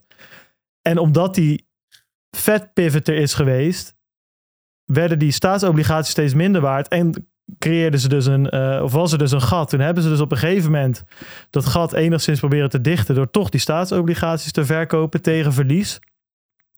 En daar kwam, uh, daar, daarna wilden ze nog extra geld ophalen met een aandelen um, uh, uitgifte. En toen dat naar buiten kwam, ja, toen had iedereen zoiets van, ja, holy shit, hier moeten we ons geld uh, razendsnel um, weg gaan halen. Maar dus, dus de reden dat het hier gebeurde is omdat dus die, de, de verhouding tussen de deposits en de, de leningen op een, een ja, vrij anders was dan bij andere grote banken. En dat ja, is wel interessant, het, denk het, ik. Het is, het is mijn zin nog net even anders. Hè? Dus dit, dit is in feite gewoon hoe een bank werkt. Hè? Dat, die verhoud, dat, dat dat uit verhouding is. Eh, voor iedere bank geldt dat als te veel mensen tegelijk hun geld komen opnemen, dat ze omvallen. Dat, dat, maar dat, dat is, ik maar dat is- dat, dat gewoon inherent aan hoe, aan hoe, het, ehm, eh, aan hoe zo'n bank in elkaar zit. Kijk, wat het probleem van Silicon Valley Bank was, eh, was dat daarvoor iets met Silvergate gebeurde. Eh, dus bij, bij Silvergate, wat dan precies de oorzaak van is, wat, wat, wat bij Silvergate, wat voor die bank kenmerkend was, was dat hun klantenbestand heel homogeen is. Ehm, relatief veel cryptobedrijven. En die hadden eenzelfde reden om nagenoeg tegelijkertijd te goeden op te komen eisen. Maar het is een relatief kleine groep. En als daar bekend wordt van... hé, hey, er is misschien wat aan de hand... dan reageren ze ook allemaal tegelijkertijd. En ja, dat, dat voelt zo'n bank. En wat gebeurt er dan? In de markt wordt dan gekeken naar... Hmm, zijn er banken die in een soortgelijke situatie zitten? Ook al zou die bank misschien prima kunnen functioneren... nog, nog jarenlang zou er niks aan de hand zijn geweest... omdat dat met, met Silvergate gebeurde, werd er gekeken naar, zijn hier eh, gelijksoortige, ehm, zou het nog een keer kunnen gebeuren om soortgelijke redenen? En ook bij Silicon Valley Bank zit je met ehm, een relatief homogeen klantenbestand. Waar, waar de groep ook klein genoeg is dat als het vuurtje eenmaal gaat branden, dat het ook heel snel overal bekend is. We moeten ons geld weg gaan halen.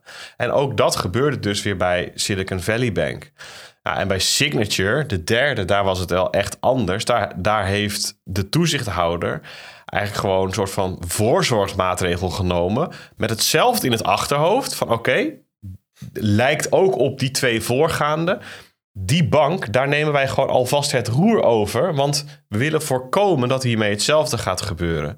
En dat zat eigenlijk in het, eh, in het rijtje van beslissingen die leiden tot het spannen van het vangnet. Dus eigenlijk een, een, een beslissing in opmaat naar een, een soort van definitieve vertrouwensuitspraken, definitieve eh, eh, stoppen van dat dominoveld door te zeggen whatever it takes. Bert. Ja, ik wil graag nog even een ander perspectief erop geven, omdat ik het denk dat het nog, nog weer iets anders zit. En dan mag de luisteraar zelf kiezen wie die gelooft. Um, want ik denk dat bij Silicon Valley Bank de problemen pas ontstonden op het moment, precies wat Bart net zei, dat um, de bank zei: we zitten in de problemen. En we moeten aandelen gaan uitgeven om die problemen op te lossen. Dus ze hadden al verlies gemaakt op hun uh, obligatieportefeuille. Met name die mortgage-backed securities. Dus met name die hypotheekobligaties. Um, en zijn daardoor in de knel gekomen. En daarna pas deden allerlei grote namen in de VC-wereld een oproep aan hun, hun ondernemingen waarin zij geïnvesteerd hadden. Joh, ga maar preventief weg bij Silicon Valley Bank. En toen ontstond er een bankrun. En niet daarvoor, het is niet dat de markt zat te kijken naar welke bank lijkt er heel erg op, op, op Silvergate. Er was gewoon daadwerkelijk al een probleem bij, bij Silicon Valley Bank, denk ik. En dan, dan um, kwam Silicon Valley Bank specifiek in de problemen omdat zij heel specifiek in 2021 en 2020 heel veel inflow hebben gehad En dus heel veel obligaties hadden die toen op een hele lage rente stonden. Kijk, als ze die obligaties in 2018 hadden gekocht, was het probleem veel minder kwijt, uh, groot geweest. Of in 2014. Eh, want, want toen was de rente ook hoger. De rente was in Amerika specifiek in 2022, of 2020 en 2021 heel erg laag. Dus, dus die combinatie die heel pijnlijk, het heel pijnlijk maakte. Dat, dat vrijwel een hele uh, obligatieportefeuille gekocht was tegen de, rente van toen, nou ja, voor tienjaars obligaties was toen anderhalf, anderhalf procent of zo. En die rente is gaan stijgen, dus werden de obligaties heel veel minder waard. En dat is voor heel veel andere banken anders, omdat die weliswaar ook heel veel um, duration risk hebben, maar dat verzameld hebben over een veel langere periode, niet heel geconcentreerd in die, in die, in die, in die twee jaar. Plus, die hebben allemaal dat renterisico gehedged. En dat had Silicon Valley Bank ook niet gedaan. Dus dat zijn wel een hele, hele bijzondere combinatie van omstandigheden... die hun zo um, uh, gevoelig hiervoor maakten. En daarom ben ik het er ook niet mee eens dat elke bank... dit niet uh, in de problemen zou komen. Normaal gesproken zou een bank gewoon naar nul terug moeten kunnen. Ja, dat is wel lastig... Het is wel een liquiditeitsprobleem. Want je hebt, het niet, je hebt de liquiditeit niet liggen. Je hebt niet de, de dollars liggen. Je moet wel je bezittingen zien te verkopen. Maar, maar dat is een liquiditeitsprobleem. En daar hebben we allerlei programma's voor. Daar hebben we eh, reverse repos voor. Je hebt centrale banken die kunnen liquiditeit verstrekken, zoals nu ook in Zwitserland gebeurt. Dat is niet per se echt een acuut probleem. Maar dat een bank failliet gaat als een solvabiliteitsvraagstuk. Met andere woorden, moet je verlies maken bij het uh, ontmantelen. En dat gold voor Silicon Valley Bank. Die maakte ontzettend veel verlies, miljarden en miljarden. En die gingen dus failliet als, het, als ze op dit moment um, naar nul terug moesten. Maar voor heel veel banken geldt, die kunnen gewoon naar nul zonder dat ze failliet gaan. Ze hebben alleen een liquiditeitsprobleem. En dat, dat maakt Silicon Valley Bank wel een heel bijzonder geval. En dat maakt ook dat heel veel andere banken, als daar een bankrun ontstaat, is dat vooral gewoon heel annoying. En zo'n vertrouwen komt ook niet meer terug, weet je wel. Dat komt te voet, gaat aan te paard. Dus uh, zo'n bank zal wellicht gewoon wel moeten stoppen. Want ja, wie wilde nou bij een bank die ooit een bankrun had? Maar ze kunnen wel zonder verlies in principe terug naar nul, denk ik. Ja.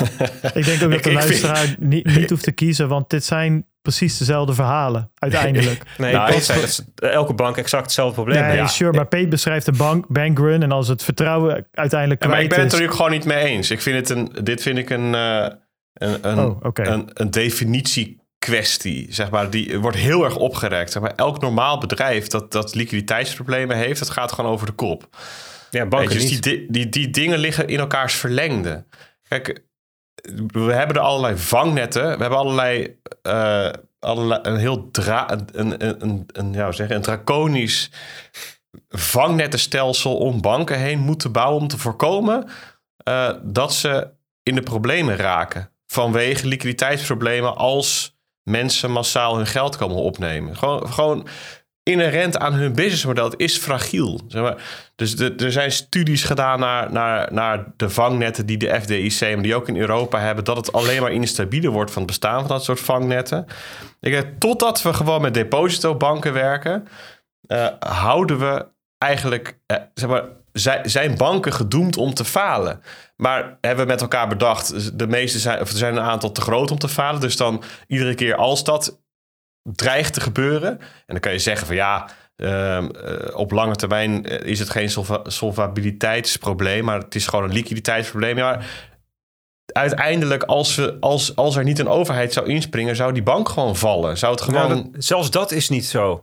Kijk, want die, als, je, als je bezittingen waardevol zijn, dan kun je die gewoon verkopen. Ja, tegen verlies. Ja, maar niet per se. Dat is in hun geval specifiek bij Silicon Valley moesten tegen verlies. Maar er zijn ook allerlei banken. Bijvoorbeeld, um, uh, ik weet niet meer welke het was, maar die moest ook heel veel verkopen. En die deed dat tegen winst. Die, want die hadden namelijk um, obligaties die meer waard geworden waren in tussentijd. Kijk, wat ging in 2008 mis? Ja, dat, dat banken allemaal leningen moesten afschrijven. Dus ze hadden bezittingen namelijk een lening aan een andere bank. Alleen die bank kon niet terugbetalen. En dus moesten ze miljarden afschrijven. Dat is ook precies wat er misging bij Voyager, BlockFi, FTX, 3AC. De, ging, de een viel om, de ander had nog een vordering, alleen die kon die afschrijven. En dan valt de volgende ook om. Kijk, dat is, dat is een probleem. En dan gaan ze echt failliet. Maar dat is niet per se aan de hand in deze situatie. Ja, maar goed, ik, ik vind het dan alsnog tegen het wensdenken aanzitten.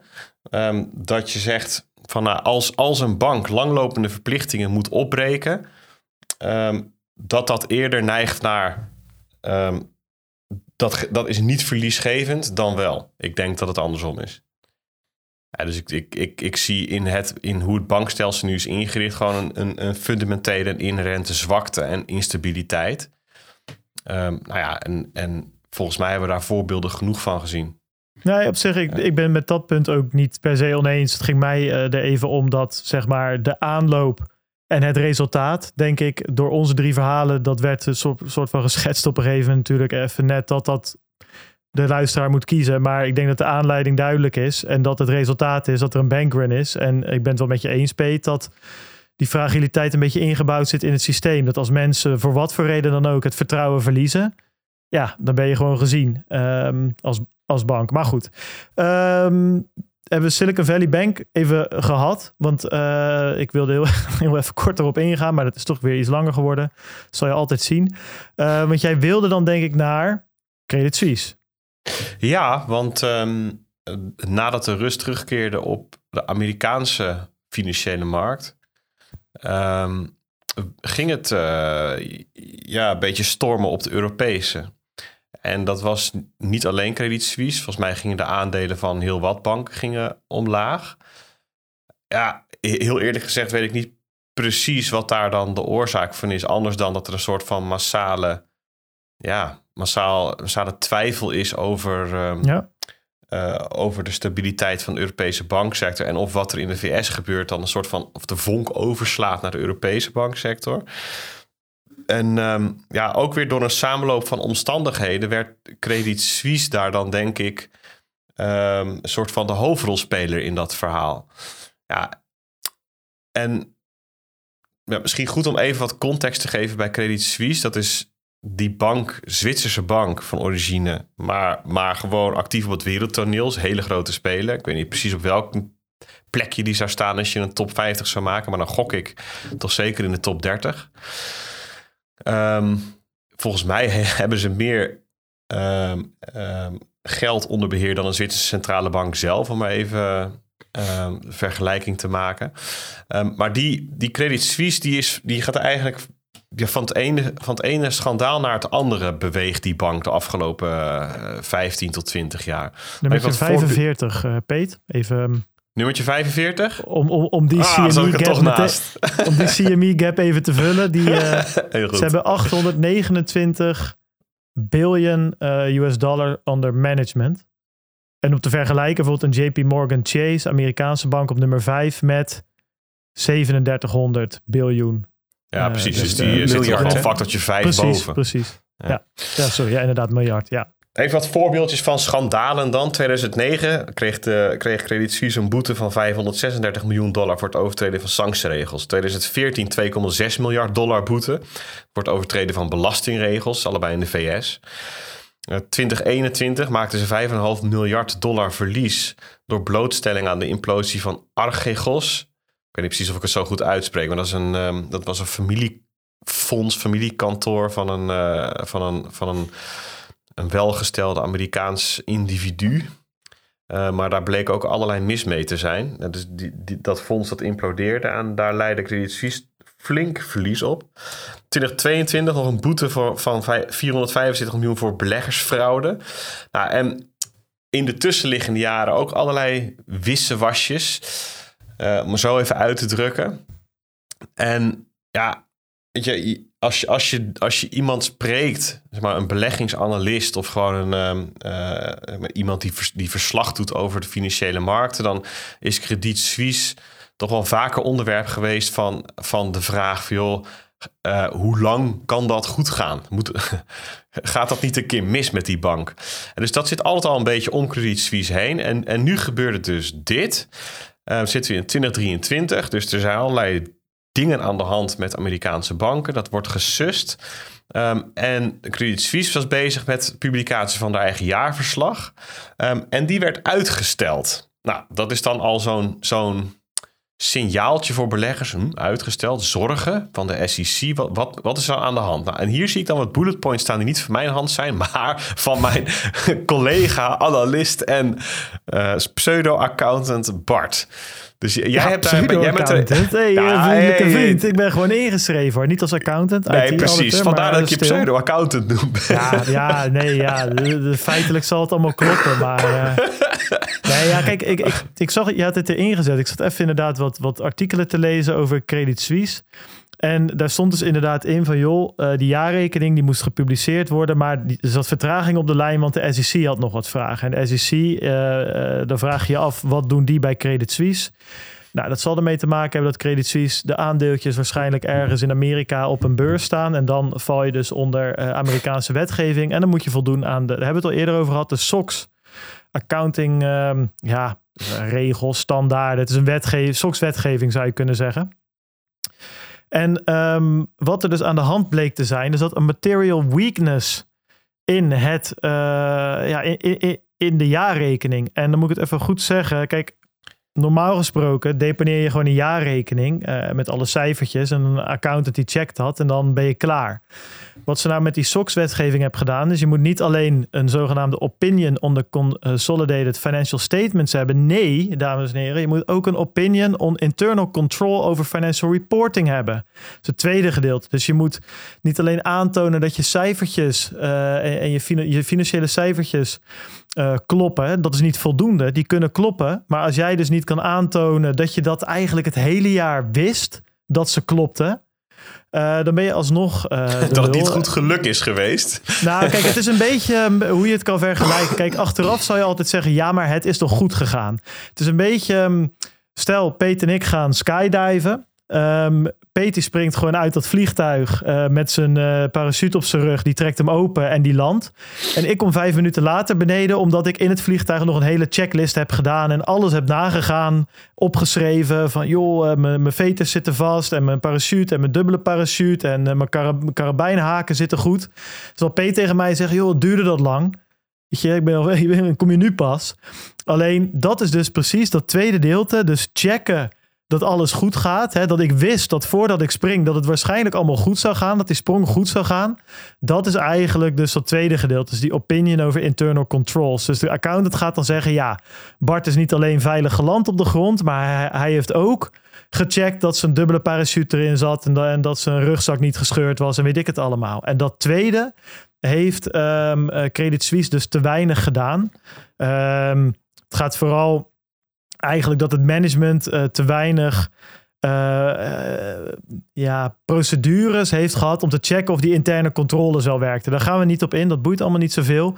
Maar de afdronk is dus dat de cijfers gewoon afgetekend zijn voor de jaarrekening. Dus het is niet zo dat dat bleek dat ze veel te weinig geld hadden of dat ze hebben gelogen over cijfers of whatever. Ik bedoel, de financiële statements die kloppen. Heeft de PwC was dit dan to- toevallig trouwens die het af heeft getekend. Maar die hebben niet afgetekend op de internal control over financial report met opinion. Ja, dat is best wel gortig. Eh, dat is wel echt, dat is wel, eh, dat is wel gezeik voor zo'n bedrijf. Krijg je de SEC dus over. Maar dat is dus even wat hier gebeurd was. Maar Ja. je kan je voorstellen dat de markt daar niet zoiets had van... Oeh, Nou, het punt dat, is dat, dat is goed dit, om te horen. dit soort duiding komt vaak pas achteraf. Dus, dus het eerste wat in zo'n markt rondgaat is van er is wat mis met Ja. Credit Suisse. Zeker. De cijfers zullen wel niet in orde zijn. Dus het is zo'n echokamer waar iedereen begint te, begint te joelen van... oh, oh, daar hebben we Credit Suisse weer. Dus dat, dat levert al zwakte op in de markt. Ehm, nou ja, die, die, al die aandelen gingen naar beneden toe. Dan gaat Credit Suisse natuurlijk als een van de snelste naar beneden toe. Ehm, dan komt er een, eh, de, de- een van hun grootste investeerders... de grootste aandeelhouders van Credit Suisse naar buiten... ehm, met het bericht, joh, ik stop er geen nieuwe liquiditeit meer in. Nou, dat is het wat er naar buiten komt. Hè? Dus het gevoel dat dat geeft van ja. Dus er is ook geen, geen hulp meer. We, we geen, staan geen, op. geen, geen equity, hè? Dus het ging hier niet om liquiditeit, maar om eh, aandelen. Ja, oké, maar als er nieuwe aandelen worden uitgegeven en zij kopen ze, dan, eh, dan hebben ze weer beschikking over cash of, of, of liquiditeit. Dus, ehm, ehm, maar ja, de, de, de markt denkt van ja, dat gaat dus helemaal mis. De, de Titanic zinkt en er is niemand om dat te voorkomen. ook hier hoort weer duiding bij. Van het is niet per se dat die investeerder er geen geld meer in zou willen steken. Alleen zij hebben nu 9,9% van de aandelen. En als ze over die grenzen heen gaan, dan komen ze tegen allerlei boekhoudkundige en juridisch geneuzel aan. En dat zou dan eerst zou dat op een andere manier ingestoken moeten worden. Dat, dat, is, dat, dat is de kanttekening erbij. Alleen de markt hoort, dit gaat mis. Nou, en dan zeggen daarna, kort, kort daarna de ECB Financiën zeggen van... nou, wij houden wel in de gaten wat er met de kredietvies aan de hand is. Wij hebben ons oog hierop. die soort van waarschuwende... Uh, woorden van uh, ja, wij zien de Titanic inderdaad uh, zinken. Beetje zo'n gevoel geeft dat dan. Maar en dan, dan vraagt Credit Suisse zelf, wat, wat kort daarna, om hulp aan de Zwitserse Centrale Bank. Hallo, hebben jullie dan misschien een reddingsboei voor ons? Nou, die hadden ze hoor. en en um, ja, ik geloof dat, dat dat aandeel Credit Suisse op het dieptepunt 97% of iets dergelijks lager stond dan dat het op zijn uh, hoogtepunt is geweest. Um, dat is niet alleen van de afgelopen dagen hoor, maar gewoon even ten opzichte van wat het ooit was. Ja, weet je, dus deze context, zorgen om Credit Suisse. Um, en tussendoor komen er dan allemaal van dat soort headlines langs. He, allerlei uh, grote mediabedrijven, dus Bloombergs van deze wereld of, of Watcher.guru of zo. Je hebt, je hebt ook Twitter-accounts die allerlei dingen in blokletters schrijven op zo'n moment. Hè. Er komen dan allerlei dingen komen, komen naar buiten toe. En dan was het van ja, er is nu een land die druk uitoefent op Zwitserland om met een renningsplan te komen. En, nou, en, en zo komt er telkens wat nieuwe informatie naar buiten, tot op het moment dat inderdaad um, uh, de, de Zwitserse Centrale Bank en de belangrijkste Zwitserse banktoezichthouder, de FINMA. Die kwamen dan naar buiten en die zeiden: Jongens, die boeken van Credit Suisse, er is helemaal niks mis mee. Die zijn in orde. En mocht er wat gebeuren, eh, dan springen wij gewoon bij. Wij, wij zorgen dan voor de benodigde liquiditeit. Nou, dat is dan met die uh, ja, sussende woorden, eh, om je even wat, wat uh, zekerheid en moed in te praten. Um, dat werd later nog wat concreter gemaakt gisteren door Credit zelf. Die zeiden van nou wij uh, chippen even 50 miljard Zwitserse frank uh, bij de centrale bank. Dan hebben we wat extra cash. dus om, om de, de beleggers en rekeninghouders gerust te stellen. Nou, en dat lijkt dan vandaag, van, vanochtend zagen we die eerste reactie. Want in de tussentijd was natuurlijk uh, de, de Zwitserse aandelenmarkt ook weer dicht. Um, en de Amerikaanse ook. We zagen vanochtend, van, nou dat wordt wel goed ontvangen. Of lijkt in ieder geval zo te zijn. De koers van een aandeel steeg weer 40% in de, in de ochtendhandel. Uh, de hele bankenindex van de Eurostox die stond ook weer in de plus. Nou, dat gaat natuurlijk ook met dank aan dat die stijging van Credit Suisse. Maar je ziet dan een, een opluchting in de Europese uh, banken, in de Europese aandelenmarkt zie je verschijnen. Ja, en dan lijkt dat toch ook met een sisser af te lopen. Hè, door, door toch ja, de, de een, ingreep, een vangnet van een centrale bank en, en, een, uh, en een overheidsorganisatie die dan moeten inspringen. Ja, en, en na dit verhaal zitten we in het nu. Zeg maar, het is, het is, nu, nu zitten we tijdens het opnemen van deze podcast en weten we eigenlijk nog niet precies hoe, hoe de komende 48 uur eruit gaan zien, zo richting het weekend. Uh, en of er in het weekend dan weer dingen gaan gebeuren die weer invloed gaan hebben op, uh, op hoe de markten maandag weer open gaan. Kunnen nog even terug naar. Uh, de, wil jij nog wat zeggen hierover, Bert? Ja, misschien um, even een korte bespiegeling op um, wat kan er misgaan. Hè? Want wat je mis ziet gaan is dat um, de, het effect van de gestegen rente in, een soort van ineens zichtbaar wordt. Hè? Dus die rente is natuurlijk eigenlijk al sinds maart vorig jaar, dus een jaar geleden, aan, aan het stijgen. En gedurende die twaalf maanden eh, heeft dat effect op allerlei um, bezittingen, met name obligaties. Dus dat kunnen staatsobligaties, bedrijfsobligaties of, of hypotheekpakketten zijn. Die worden minder waard. En dat, dat is pas een probleem zodra, het, zodra ze verkocht moeten worden tegen verlies. En dat, dat is dan een moment waarop zoiets zichtbaar wordt. Nou, wat je bijvoorbeeld vorig jaar november, geloof ik, was het in Engeland zag, dat was dat die rente ook heel snel steeg. Dat was toen die kamikaze, uh, die, die uh, daar, daar de minister van Financiën werd en die deed allerlei voorstellen. En toen kwamen de pensioenfondsen in de problemen, omdat hun renteswaps ineens heel veel duurder werden, waar ze geld voor moesten bijstorten. Dus dat, dat zijn dan. Kijk, we hebben het er wel eens over dat centrale banken die stoppen met verhogen van rente zodra er een recessie aanbreekt of er iets stuk gaat in de markten. Something breaks. En dit zijn dan het soort dingen die dan kunnen breken. En dus dat er ergens iets stuk gaat in de geldmarkten, in de obligatiemarkten. En um, dus wat je, PP zei net van ja, Credit Suisse kon even chippen bij de centrale bank. Ja, wat ze dan dus doen, ze krijgen geen geld. Nee, ze, ze, ze leveren dan bezittingen in. En in ruil daarvoor krijgen ze geld. Dus ze hebben, je moet wel gewoon 100%. Het is eigenlijk gewoon een, een ruil, een swap. Hè? Dus je geeft obligaties en je krijgt Zwitserse franken terug. Dat is precies hetzelfde van, van het mechanisme van die, die BTFP. Dat is het mechanisme wat men dus in Amerika heeft bedacht om die banken te redden. Zo'n bank, zoals Silicon Valley Bank, die geeft obligaties. En die krijgt precies de waarde van die obligaties in dollars terug. Het is niet zo dat ze geld krijgen. Het kost, dit kost ook de belastingbetaler geen geld. En dat is de, krijgt de nominale waarde van de obligatie. Krijgen ja, ze, krijgen de nominale waarde van de obligatie. En, en de enige... in Amerika zo, maar Credit Suisse heeft toch gewoon een lening gekregen? Uh, volgens mij moeten ze tegenover die lening gewoon bezittingen uh, afgeven of, of, of uh, reserveren of zo. Ja, ja, onderpand bieden. Hè? ja, onderpand bieden. Um, dus het, en, en dat, is, dat, is, dat is hoe, hè, als we het hebben over voorzien in liquiditeit, dat is wat liquiditeit in liquiditeit voorzien is. Dat is wat anders dan een gift of een donatie. Dat, dat, dat is wel aan de orde als er solvabiliteitsproblemen zijn. Dan moeten er gewoon verliezen worden geabsorbeerd door de, de centrale bank, de overheid, het volk. En daar hebben we het over als we zeggen van ja, de verliezen zijn voor het volk, dan heb je het over solvabiliteitsproblemen. Dat is, dat is anders, dat is, dat is helemaal vervelend. Hè? Dus dan is er gewoon geen geld, er zijn gewoon geen bezittingen meer. Alleen mensen hebben nog wel recht op geld. Ja, hoe los je dat op? Ja, dan moet, dan moet het volk het maar dragen, weet je wel. Dat is nu nog niet aan de hand. En uh, um, ja, waar ik dus heel benieuwd naar ben, is van gaan die problemen met uh, hogere rentes en dus in waarde afgenomen obligaties of problemen met swaps of andere derivaten, gaan die nog op een andere plek de kop opsteken? Of was dit het?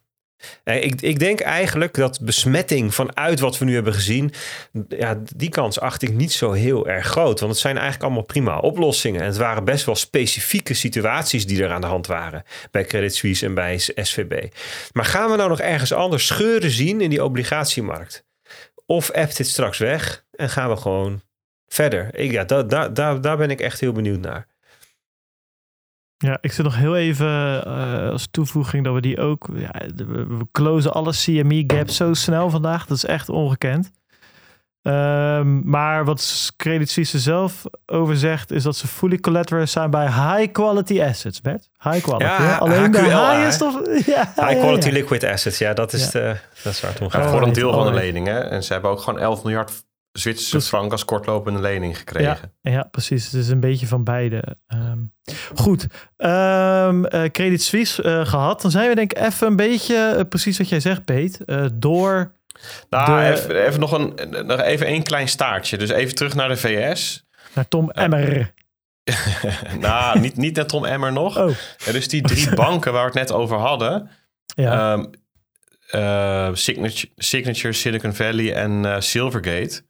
Die bestaan dus gewoon nog, hè? Die, die, die zijn nu in handen van, de, uh, van, van de Amerikaanse toezicht. Eigenlijk, eigenlijk zijn ze een soort van genationaliseerd tijdelijk. En dan worden ze weer van de hand gedaan. Silvergate ook?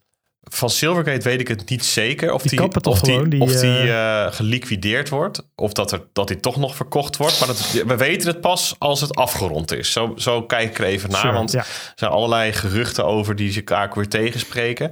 En wat ik ervan begrijp is dat de diensten die ze aanboden ook gewoon nog beschikbaar zijn. Dus, dus die, um, dat betaalnetwerk voor, voor instant payments tussen cryptobedrijven van Signature schijnt dus ook gewoon nog toegankelijk te zijn.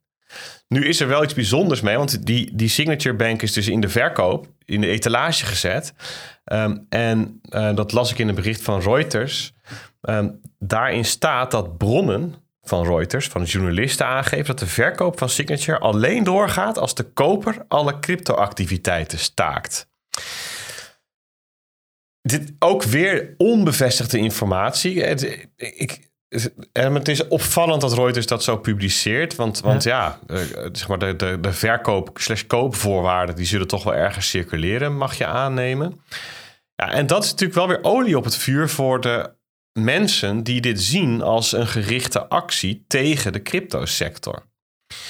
Wat ik ook nog wel, wel, wel ja, typisch vond... Hè, dus Ehm, dus die Silicon Valley Bank die had problemen. De overheid springt in. Dus nu uh, staat nu onder toezicht van de FDIC en onder leiding van de FDIC.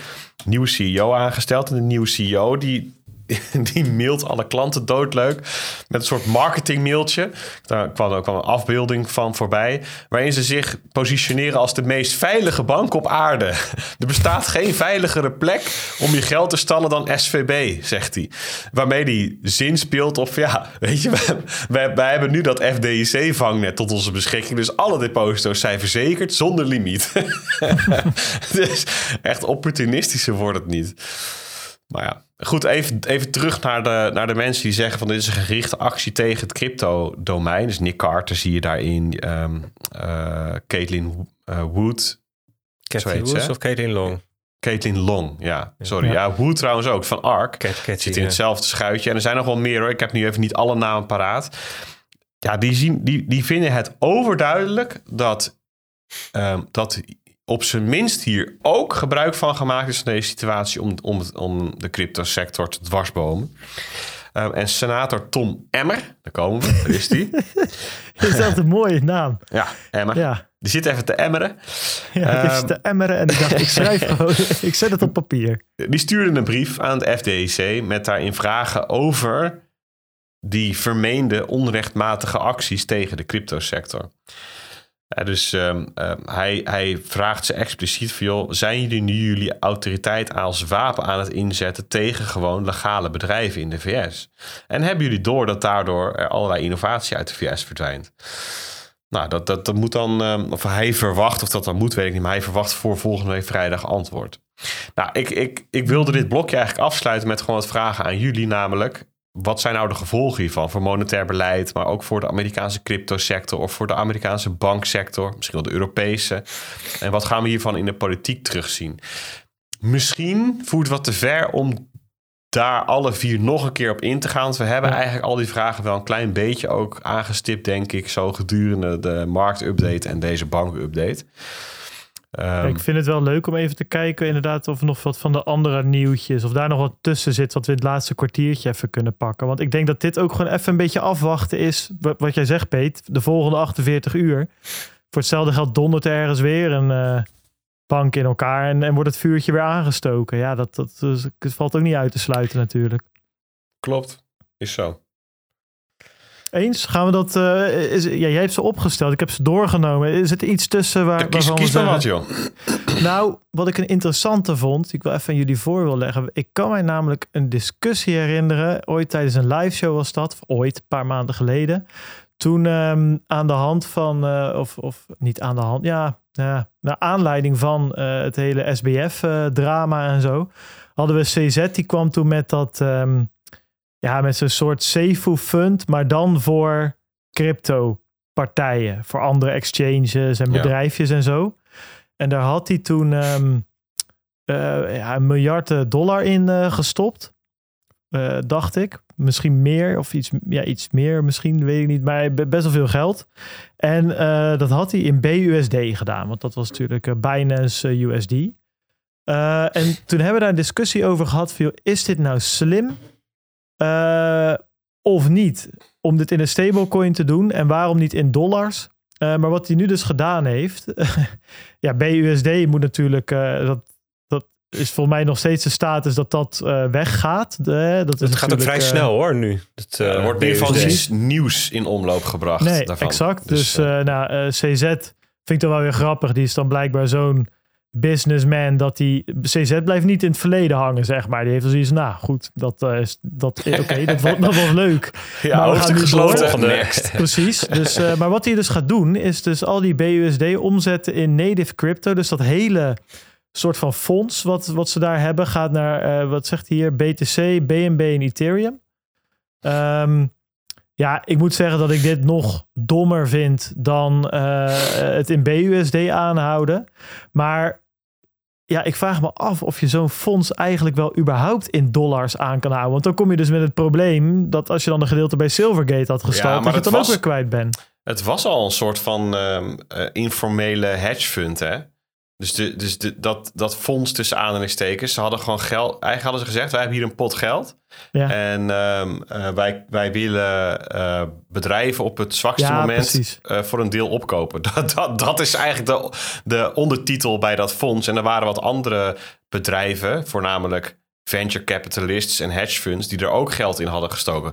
Onder het mom van, oh, dan redden we samen de cryptosector. Maar het, waren gewoon, het was gewoon voor hen gemakkelijk om dan...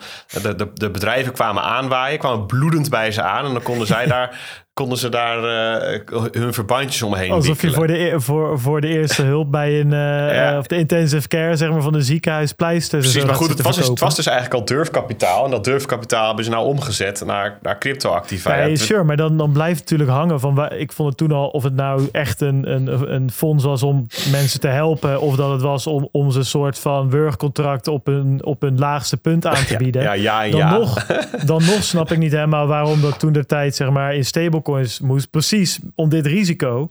Ja, dat, dat, dat er van alles fout kan gaan. Maar goed, ik vond het grappig om even. Dan hebben die afgesloten. En ik ben benieuwd hoe dit nu gaat. Want nu wordt het helemaal een soort van.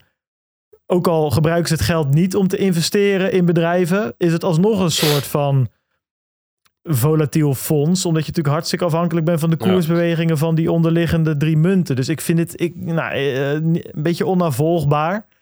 Uh, maar goed, uh, dat zijn Nu we het toch over Binance hebben, dan kan ik er ja. even twee dingetjes achteraan uh, mikken. Eentje is um, dat in het Verenigd Koninkrijk hun, hun primaire betaalpartner, die iets met ponden doet, Skrill Limited, ja. de stekker uit hun relatie getrokken heeft. Um, en dat komt eigenlijk bovenop een andere um, ontwikkeling in het Verenigd Koninkrijk. En dat is dat consumentenbanken, dus gewoon op retail gerichte banken um, maatregelen beginnen te nemen om de geldstroom naar cryptoactiva, exchanges, brokers wat te beperken. Een voorbeeldje is Nationwide, een grote Britse bank, um, die uh, um, beperkt hun klanten uh, op zo'n manier dat ze niet meer dan 5000 pond aan cryptoactiva per dag mogen uitgeven. Gewoon even een, een voorbeeld. Dus daar wordt de, de, de riem op ja, meerdere manieren wordt daar aangetrokken. Nou, ik, ik weet niet of dat nou um, vergelijkbaar is met Operation Chokepoint 2.0. Ik denk het niet per se. Um, maar goed, er is wel een parallel. En namelijk dat, dat de drempels worden opgehoogd. Nou, en even nog iets anders over Binance. Zij, zij, zij waren natuurlijk ook in de markt voor het overnemen van allerlei spulletjes van, van het Vite Voyager. Ja. Um, en daar is twee keer um, is een poging gedaan om, dat, om die deal te blokkeren. Eerst door de SEC. Die, die hebben we ja, besproken. Ja, dat klopt. Volgens mij toch, die, Bert? Die, die, die zeiden, ja. er wordt een effectenwet overtreden, dus uh, dat mag niet doorgaan. Um, en daarna het Openbaar Ministerie um, van de VS eigenlijk op, op dezelfde grond. En die had ook nog iets over de, over de belastingregels die werden overtreden door deze deal.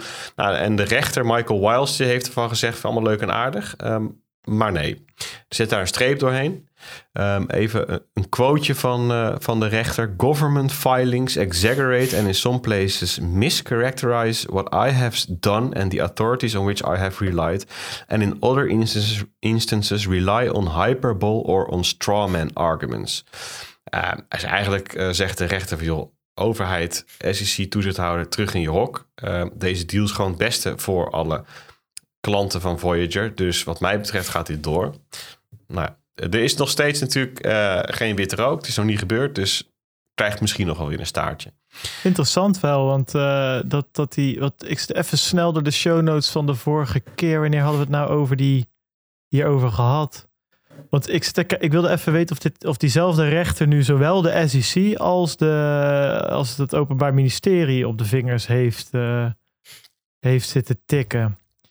Uh, ik even te kijken of misschien was het deze 247 of zo. Want eh, ik kan me herinneren dat dat ook Waals was. Maar ja, we hadden, wel. ja, we hadden een aflevering over dat de SEC de wind tegen had of zo. En kan ja, dat is zeker. Het is dezelfde uh, rechter. Dus, dus Die, die heeft daar... eh, kijk, want, want zowel de SEC als het Openbaar Ministerie... Oh ja, die, hebben, inderdaad, ja. die hebben in dezelfde rechtszaak hebben ze hun bezwaren ingediend. En dezelfde rechter heeft daar dus ook weer wat over gezegd. Oké.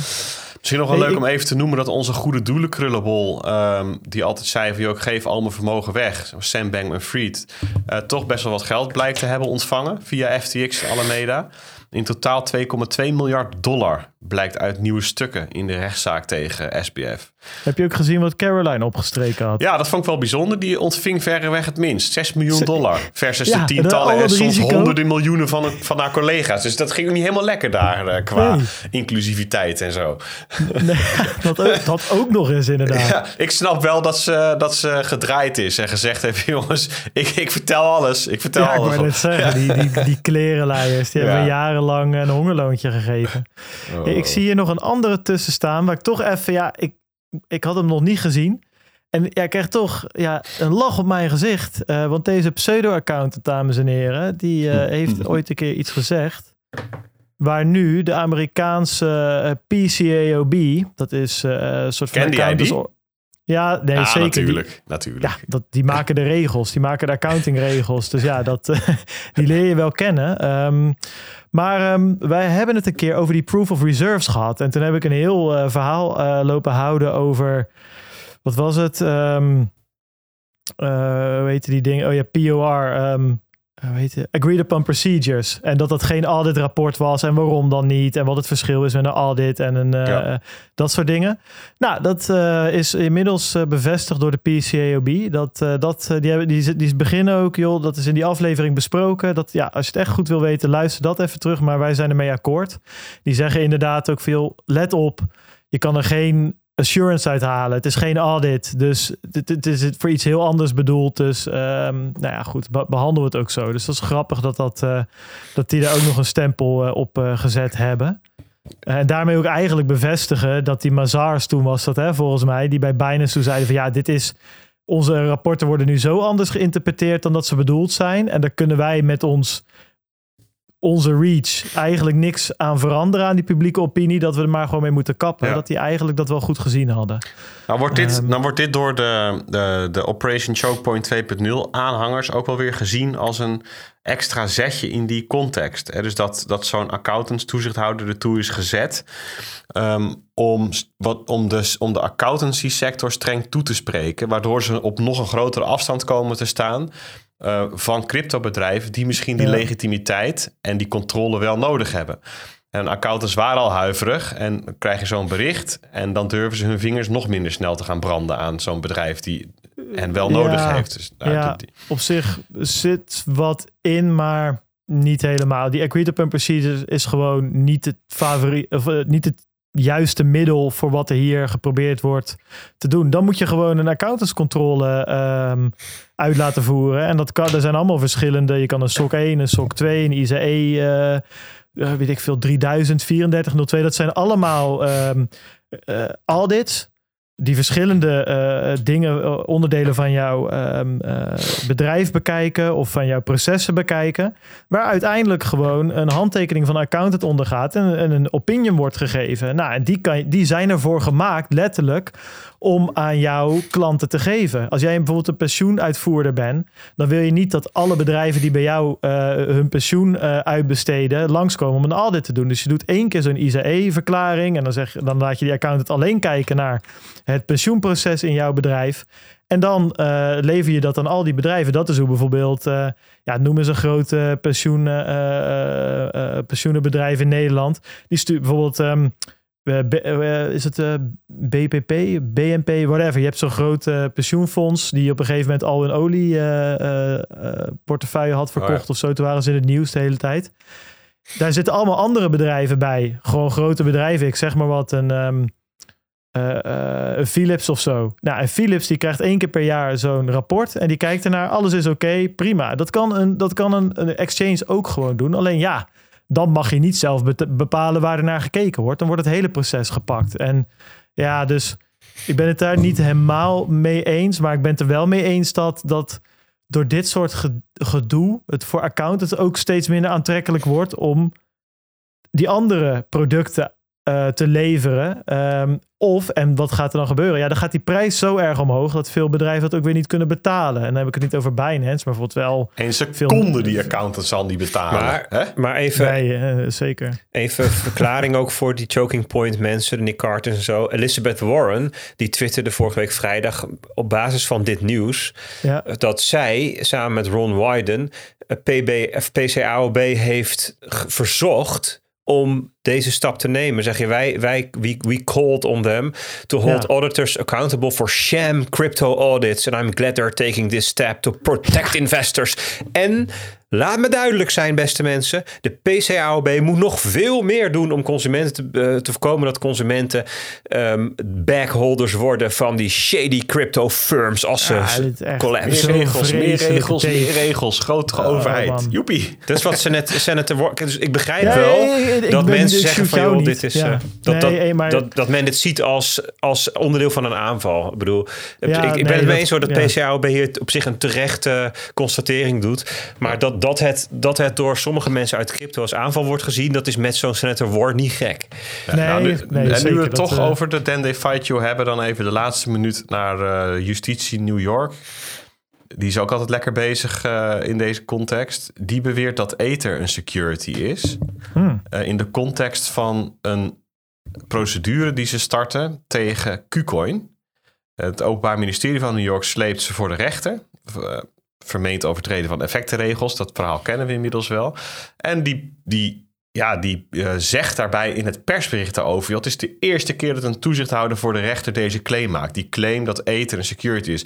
Klonk haast een soort van trots of zo. Maar dat, ja, dat, dat zal wel niet zo bedoeld zijn. Maar het is wel opvallend dat in dezelfde week... de voorzitter van de CFTC nog een keer herhaalde... dat hij ETH als commodity klassificeert. En dan heeft gisteren de SEC-voorzitter Gary Gensler daar weer op gereageerd... door nog een keer het standpunt van het New Yorkse Openbaar Ministerie te herhalen. Ja jongens, het is echt Ze houden elkaar lekker bezig. een show. Eh, Maar dit ja. is wel interessant. Het is net, net dit is de, een rechtszaak waarin hier waarschijnlijk iets over gezegd gaat worden. En ik denk de uitkomst van de, de zaak tegen Ripple hier ook nog wel een, eh, Ja. Een robbeltje in gaat spelen. Ja, Gewoon qua jurisprudentie. Goed, Nou, ja, dan is het in 3 de- over 2. En, ehm, Ja, gaan we in de gaten houden. Ik wil nog één. Ja, ik dacht, als we het dan toch over Ethereum hebben. Dames en heren, houd in de gaten. Want de Shanghai-update die gaat eraan komen. Want de laatste test is eh, geslaagd. Hij heet anders Eh, eigenlijk, hè, die update tegenwoordig. Maar heet hij nu weer anders? Ik dacht dat hij nog Ja, steeds... hij heet eh, wordt- Chapella, heet hij. Shanghai en een andere up, upgrade. Ja, ja, die, die Oh, eindigt op waarschijnlijk op twee dingetjes gemerged. ze- eh, ja. ja, oké.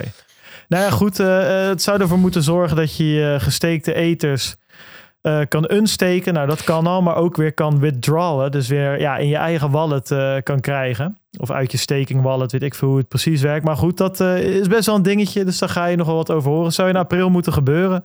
Dus we houden je op de hoogte. Hey jongens, top.